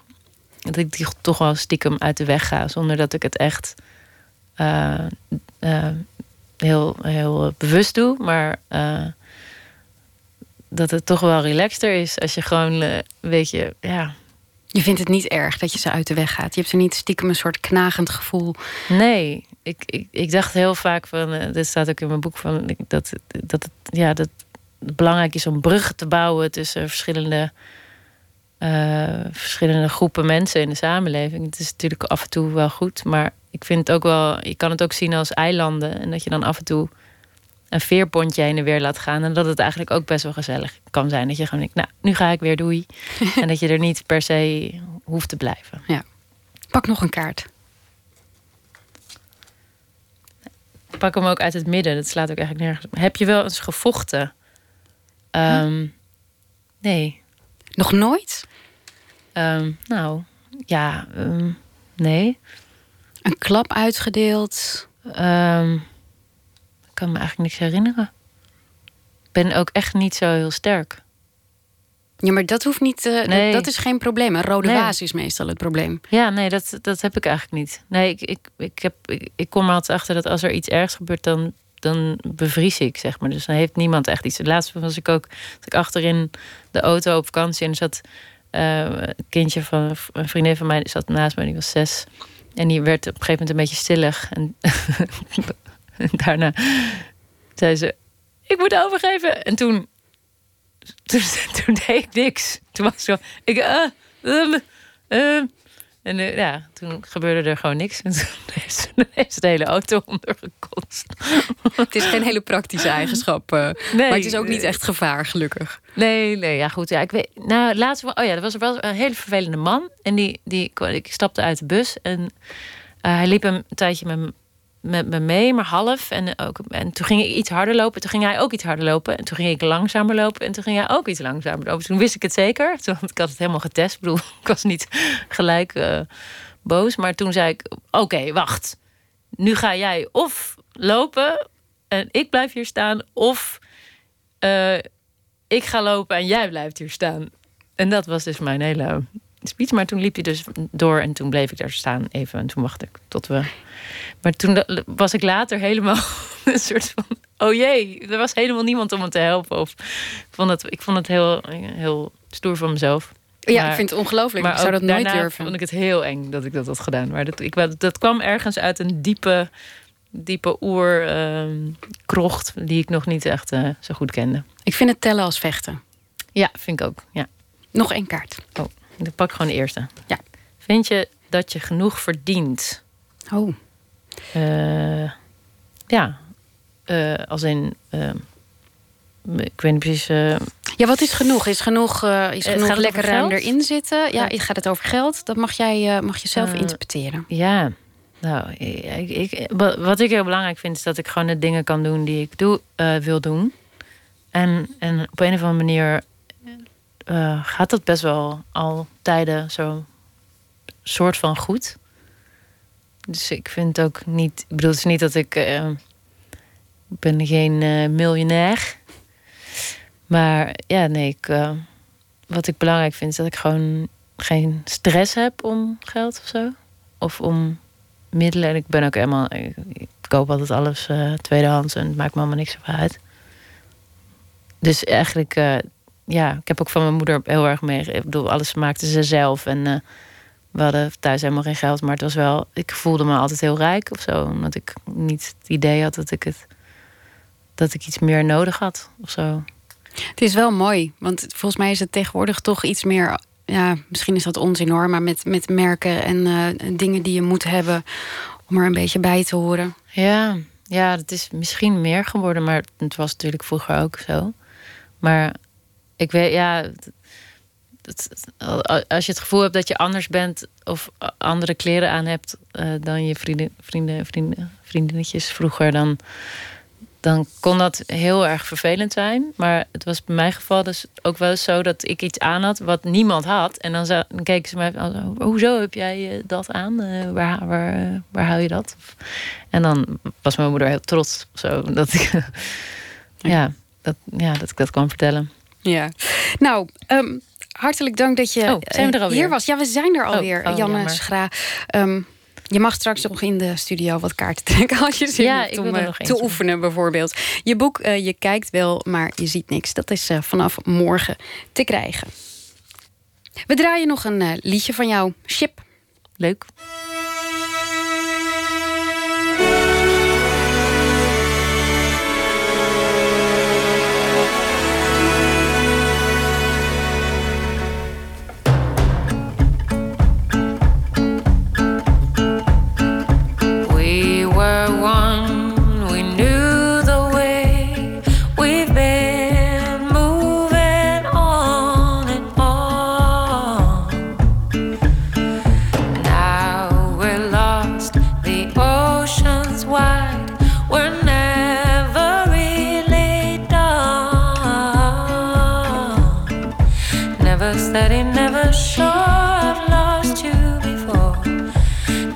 Solid, insecure.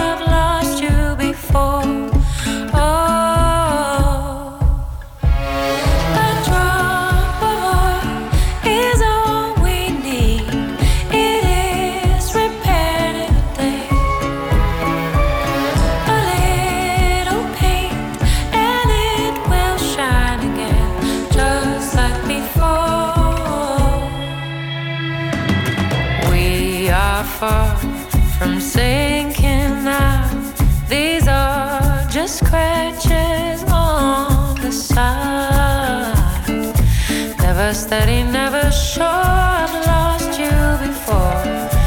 Never solid, insecure.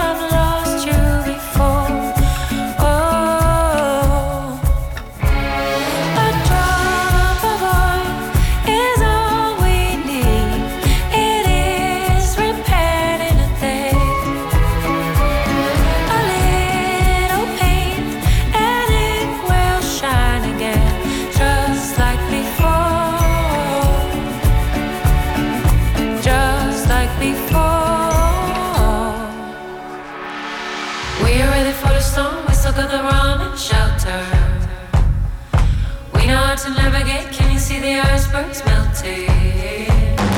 Restore the connection. It's all about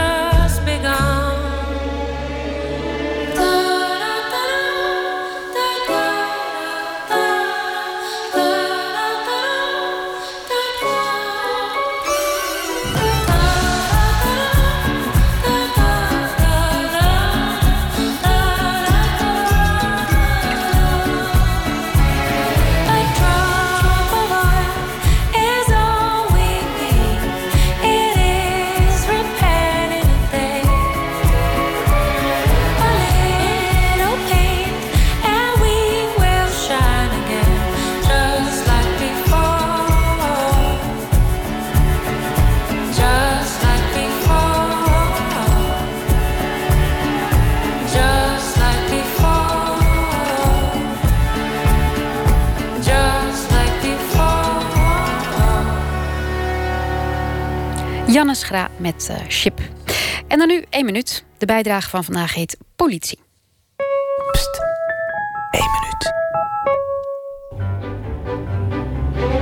Ze kwam met een busje aangereden. Ze pakte onze bal af. Want je mocht niet voetballen. En je werd meegenomen naar het bureau. Ja, ze hadden toch... Ja, het was echt de politie. En het was een grote oude man. En eh, daar was je bang van als kind. En toen kwam mijn vader. En die zei, waar is die jongen? Ja, zit hij, een agent, daar zit hij. En toen gaf hij me een ontiegelijke klap voor mijn kanus. En hij pakte me bij mijn oor. En hij zei, meekomen. Nu. En toen stonden we buiten. Toen zegt hij, zo, we staan tenminste wel snel uit dat politiebureau. Want dat is zo ik voetbal en ik had geen zin om een uur op dat politiebureau te gaan zitten. Ik zeg, ja, maar dan hoef je me toch niet zo hard te slaan. Ja, zegt hij, maar anders had ik je niet zo gaan meegekregen. en dat was het eigenlijk. Eén minuut, gemaakt door Chris Baayema. Elke week vragen we een schrijver of een dichter om met proza te reageren op het nieuws van de voorbije dag. En deze week doen we dat met Luc Imaan. Hij vertaalde en bewerkte alle stukken van Shakespeare, publiceerde al een dichtbundel en vorig jaar verscheen zijn debuutroman Paradijs. Afgelopen zomer nam hij twee weken lang zijn intrek op Amsterdam Centraal om te werken aan boek nummer 2. Goedenacht, Luc. Goedenacht. Werkte dat een beetje trouwens in uh, Amsterdam Centraal? Ja, dat werkt dus verrassend goed eigenlijk. Het, uh, uh, je komt helemaal gesloopt uit, maar ik kan het eigenlijk iedereen aangaan. Ja, want waar zit je dan? Zit je dan ja, boven de treinen? nee, daaronder. Nee, ik, ik zat in een winkelpand, glazen ramen en openstaande deuren. Dus iedereen kon binnenlopen. En achter mij werd geprojecteerd wat ik schreef. Dus dan zit je niet de hele dag op Facebook, maar ben je daadwerkelijk aan het werk. Maar dan krijg je de hele tijd mensen die binnenlopen om te vertellen wat ze ervan vinden. Dat is eigenlijk hetzelfde als Facebook, maar dan live. Ja, maar het is een stuk leuk. um, we hebben jou uh, gevraagd om, uh, om te reageren met een uh, verhaal op het nieuws van vandaag. Wat voor nieuws heb je gekozen? Mm, het nieuws dat Charles Manson is overleden. Ah. Wil je daar ja. verder nog iets over vertellen of zeg je ik lees mijn verhaal? Um, nee, laat ik, laat ik gewoon mijn verhaal vertellen. Dat, dat is goed. Brandlos. Vanochtend liep ik door het Vondelpark, gearmd met een meisje. Ze had een bruine jas aan waarvan een van de knopen kapot was. De hele wandeling moest ze dus met haar handen haar jas dicht houden. Haar natte haren waaiden in haar gezicht, maar ze weigerde een muts op te zetten. We liepen langs het water, zo zong Piggies van de Beatles, en ik vroeg haar... Heb jij gehoord dat Charles Manson is overleden? Ze antwoordde niet, likte het water van haar lippen. Zeg eens hoe mooi je me vindt, zei ze. Ik zei haar dat ze verrukkelijk was, als een dichter haar zou toefluisteren onder het afdakje van een verregend café. Ze knikte. Dat was voldoende. We liepen door. Onder de brug in het park zat een man op de grond te spelen met bloemen. Ik wilde doorlopen, maar het meisje ontsnapte aan mijn omarming en dartelde op de man af. Beschrijf eens in één zin wie u bent, zei ze. De man lachte voordat hij zei, niemand. Ik ben niemand. Hij veegde zijn slierterige haar weg voor zijn ogen en fronste toen ernstig en speelde wat met zijn wenkbrauwen, toonde zijn bleke gezicht. Ik ben een zwerver, zei hij, een schooier en dakloos. Ik ben een treinwagon en een kruik met wijn en een scheermes als je te dichtbij komt. Het meisje schrok en rende terug. Ze vertelde me wat de man zei en ik haalde mijn schouders op. Toen kregen we ruzie. Hoe kun je dat niet erg vinden, zei ze. Het is onmenselijk. Ik dacht, nou, niemand is onmenselijk, zei ik. Ze knikte. Dat was voldoende. We liepen naar een café, dronken wat en maakten nog wat ruzie. Toen zoenden we lang en hartstochtelijk en vroeg de eigenaar of we weg wilden gaan. Buiten, voor de deur van het café, vroeg ik haar wanneer ik haar zou zien. Ze veegde haar doorlopen mascara van haar wangen. Ik plukte aan haar wenkbrauwen, ze woelde door mijn baard. En voor ons waste een merel zich in een plas. Mooi. Dank je wel. Alsjeblieft. Waarom, waarom inspireerde Charles Manson je tot dit toch heel romantische verhaal? Um, nou, het, het, is die, die rare ommezwaai die hij heeft gemaakt door van al die... Uh, uh, of door van een paar zoete flower power meisjes een soort moordmachines te maken. Er is een, um, er is een boek over geschreven door Emma Klein, waarin je een van die meisjes volgt. Uh, The Girls heet dat. En dat, dat trof me. Ik, ik vind het, ja, het is even fascinerend als het onbegrijpelijk is. Ja, dat is sowieso met, met uh, Charles Manson. Er wordt nu ook nog een uh, film over, over hem gemaakt. Het blijft toch uh, fascineren, gewoon dat hele gegeven van... inderdaad die, die zoete flower power tijd die in één klap eigenlijk afgelopen was. Ja, en de, er zijn dus nou, rond zijn overlijden verschijnen er dan van die filmpjes online. En dan, ja, dan zie je hem uitspraken doen. Dat, en, en, en, en ja, echte beelden van een man die zo in alles zo angstaanjagend eng is. Het, het, ja, dat trof me. Ja, niet voor te stellen dat je daar, dat je daar intrapt. Um, dankjewel, Luc Man. Ik zie zie uit eh, naar morgen. Is goed, ik ook. Tot morgen. Tot morgen.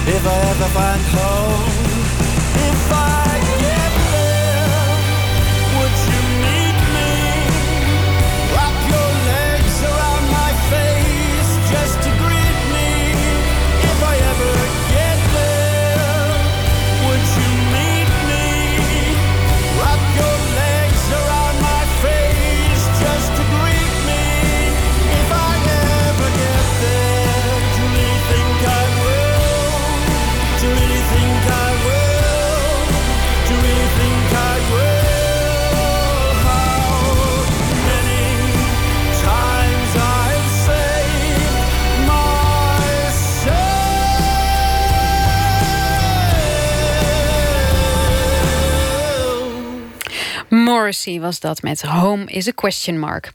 Poëzie nu van eh, Alexis de Rode. We spraken hem deze september tijdens de Nacht van de Poëzie in Utrecht. Dit gedicht heet Zondagochtend.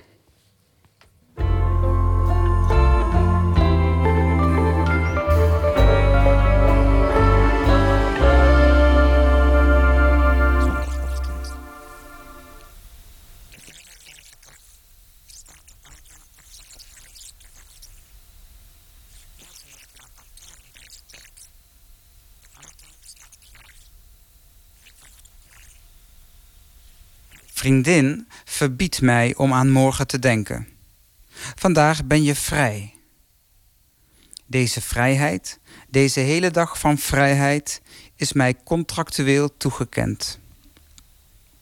Ik zou heel even in de auto kunnen gaan zitten, op het koele leer en de radio aanzetten. Om te voelen hoe het is naar mijn werk te rijden zonder dat ik naar mijn werk rijd. Ik voer mijn plan uit. Dit is nochtans de vrijheid waar ik recht op heb. Dit is vrijheid. Ik streel het stuur, draai het raampje open. Wacht een uur. Dit gedicht gaat over het moment dat je zo in een baan opgaat, dat je jezelf een beetje kwijtraakt. En dan kan het gewoon in één keer heel prettig zijn om om een uur in je auto te gaan zitten en ervan te genieten dat je niet op de snelweg zit, maar wel in de auto. Ik denk als je in dit stadium bent gekomen dat het wel beter is om iets minder te gaan werken. Zondagochtend. De hele lege dag staat de auto achter het huis te wachten. Morgen moet ik naar kantoor om deze tijd. De auto staat klaar. Hij wacht op mij. Mijn vriendin verbiedt mij om aan morgen te denken. Vandaag ben je vrij. Deze vrijheid, deze hele dag van vrijheid is mij contractueel toegekend. Ik zou heel even in de auto kunnen gaan zitten, op het koele leer en de radio aanzetten. Om te voelen hoe het is naar mijn werk te rijden zonder dat ik naar mijn werk rijd. Ik voer mijn plan uit. Dit is nochtans de vrijheid waar ik recht op heb. Dit is vrijheid. Ik streel het stuur. Draai het raampje open. Wacht een uur.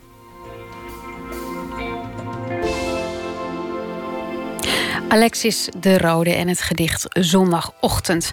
Morgen dan uh, zijn we er weer en dan komt schrijver Martin Michael Driessen langs. Hij won vorig jaar voor zijn verhalenbundel Rivieren de ECI Literatuurprijs. Onlangs verscheen zijn nieuwe boek De Pelikaan. Dat onder meer morgen. Wie weet tot dan. Fijne nacht.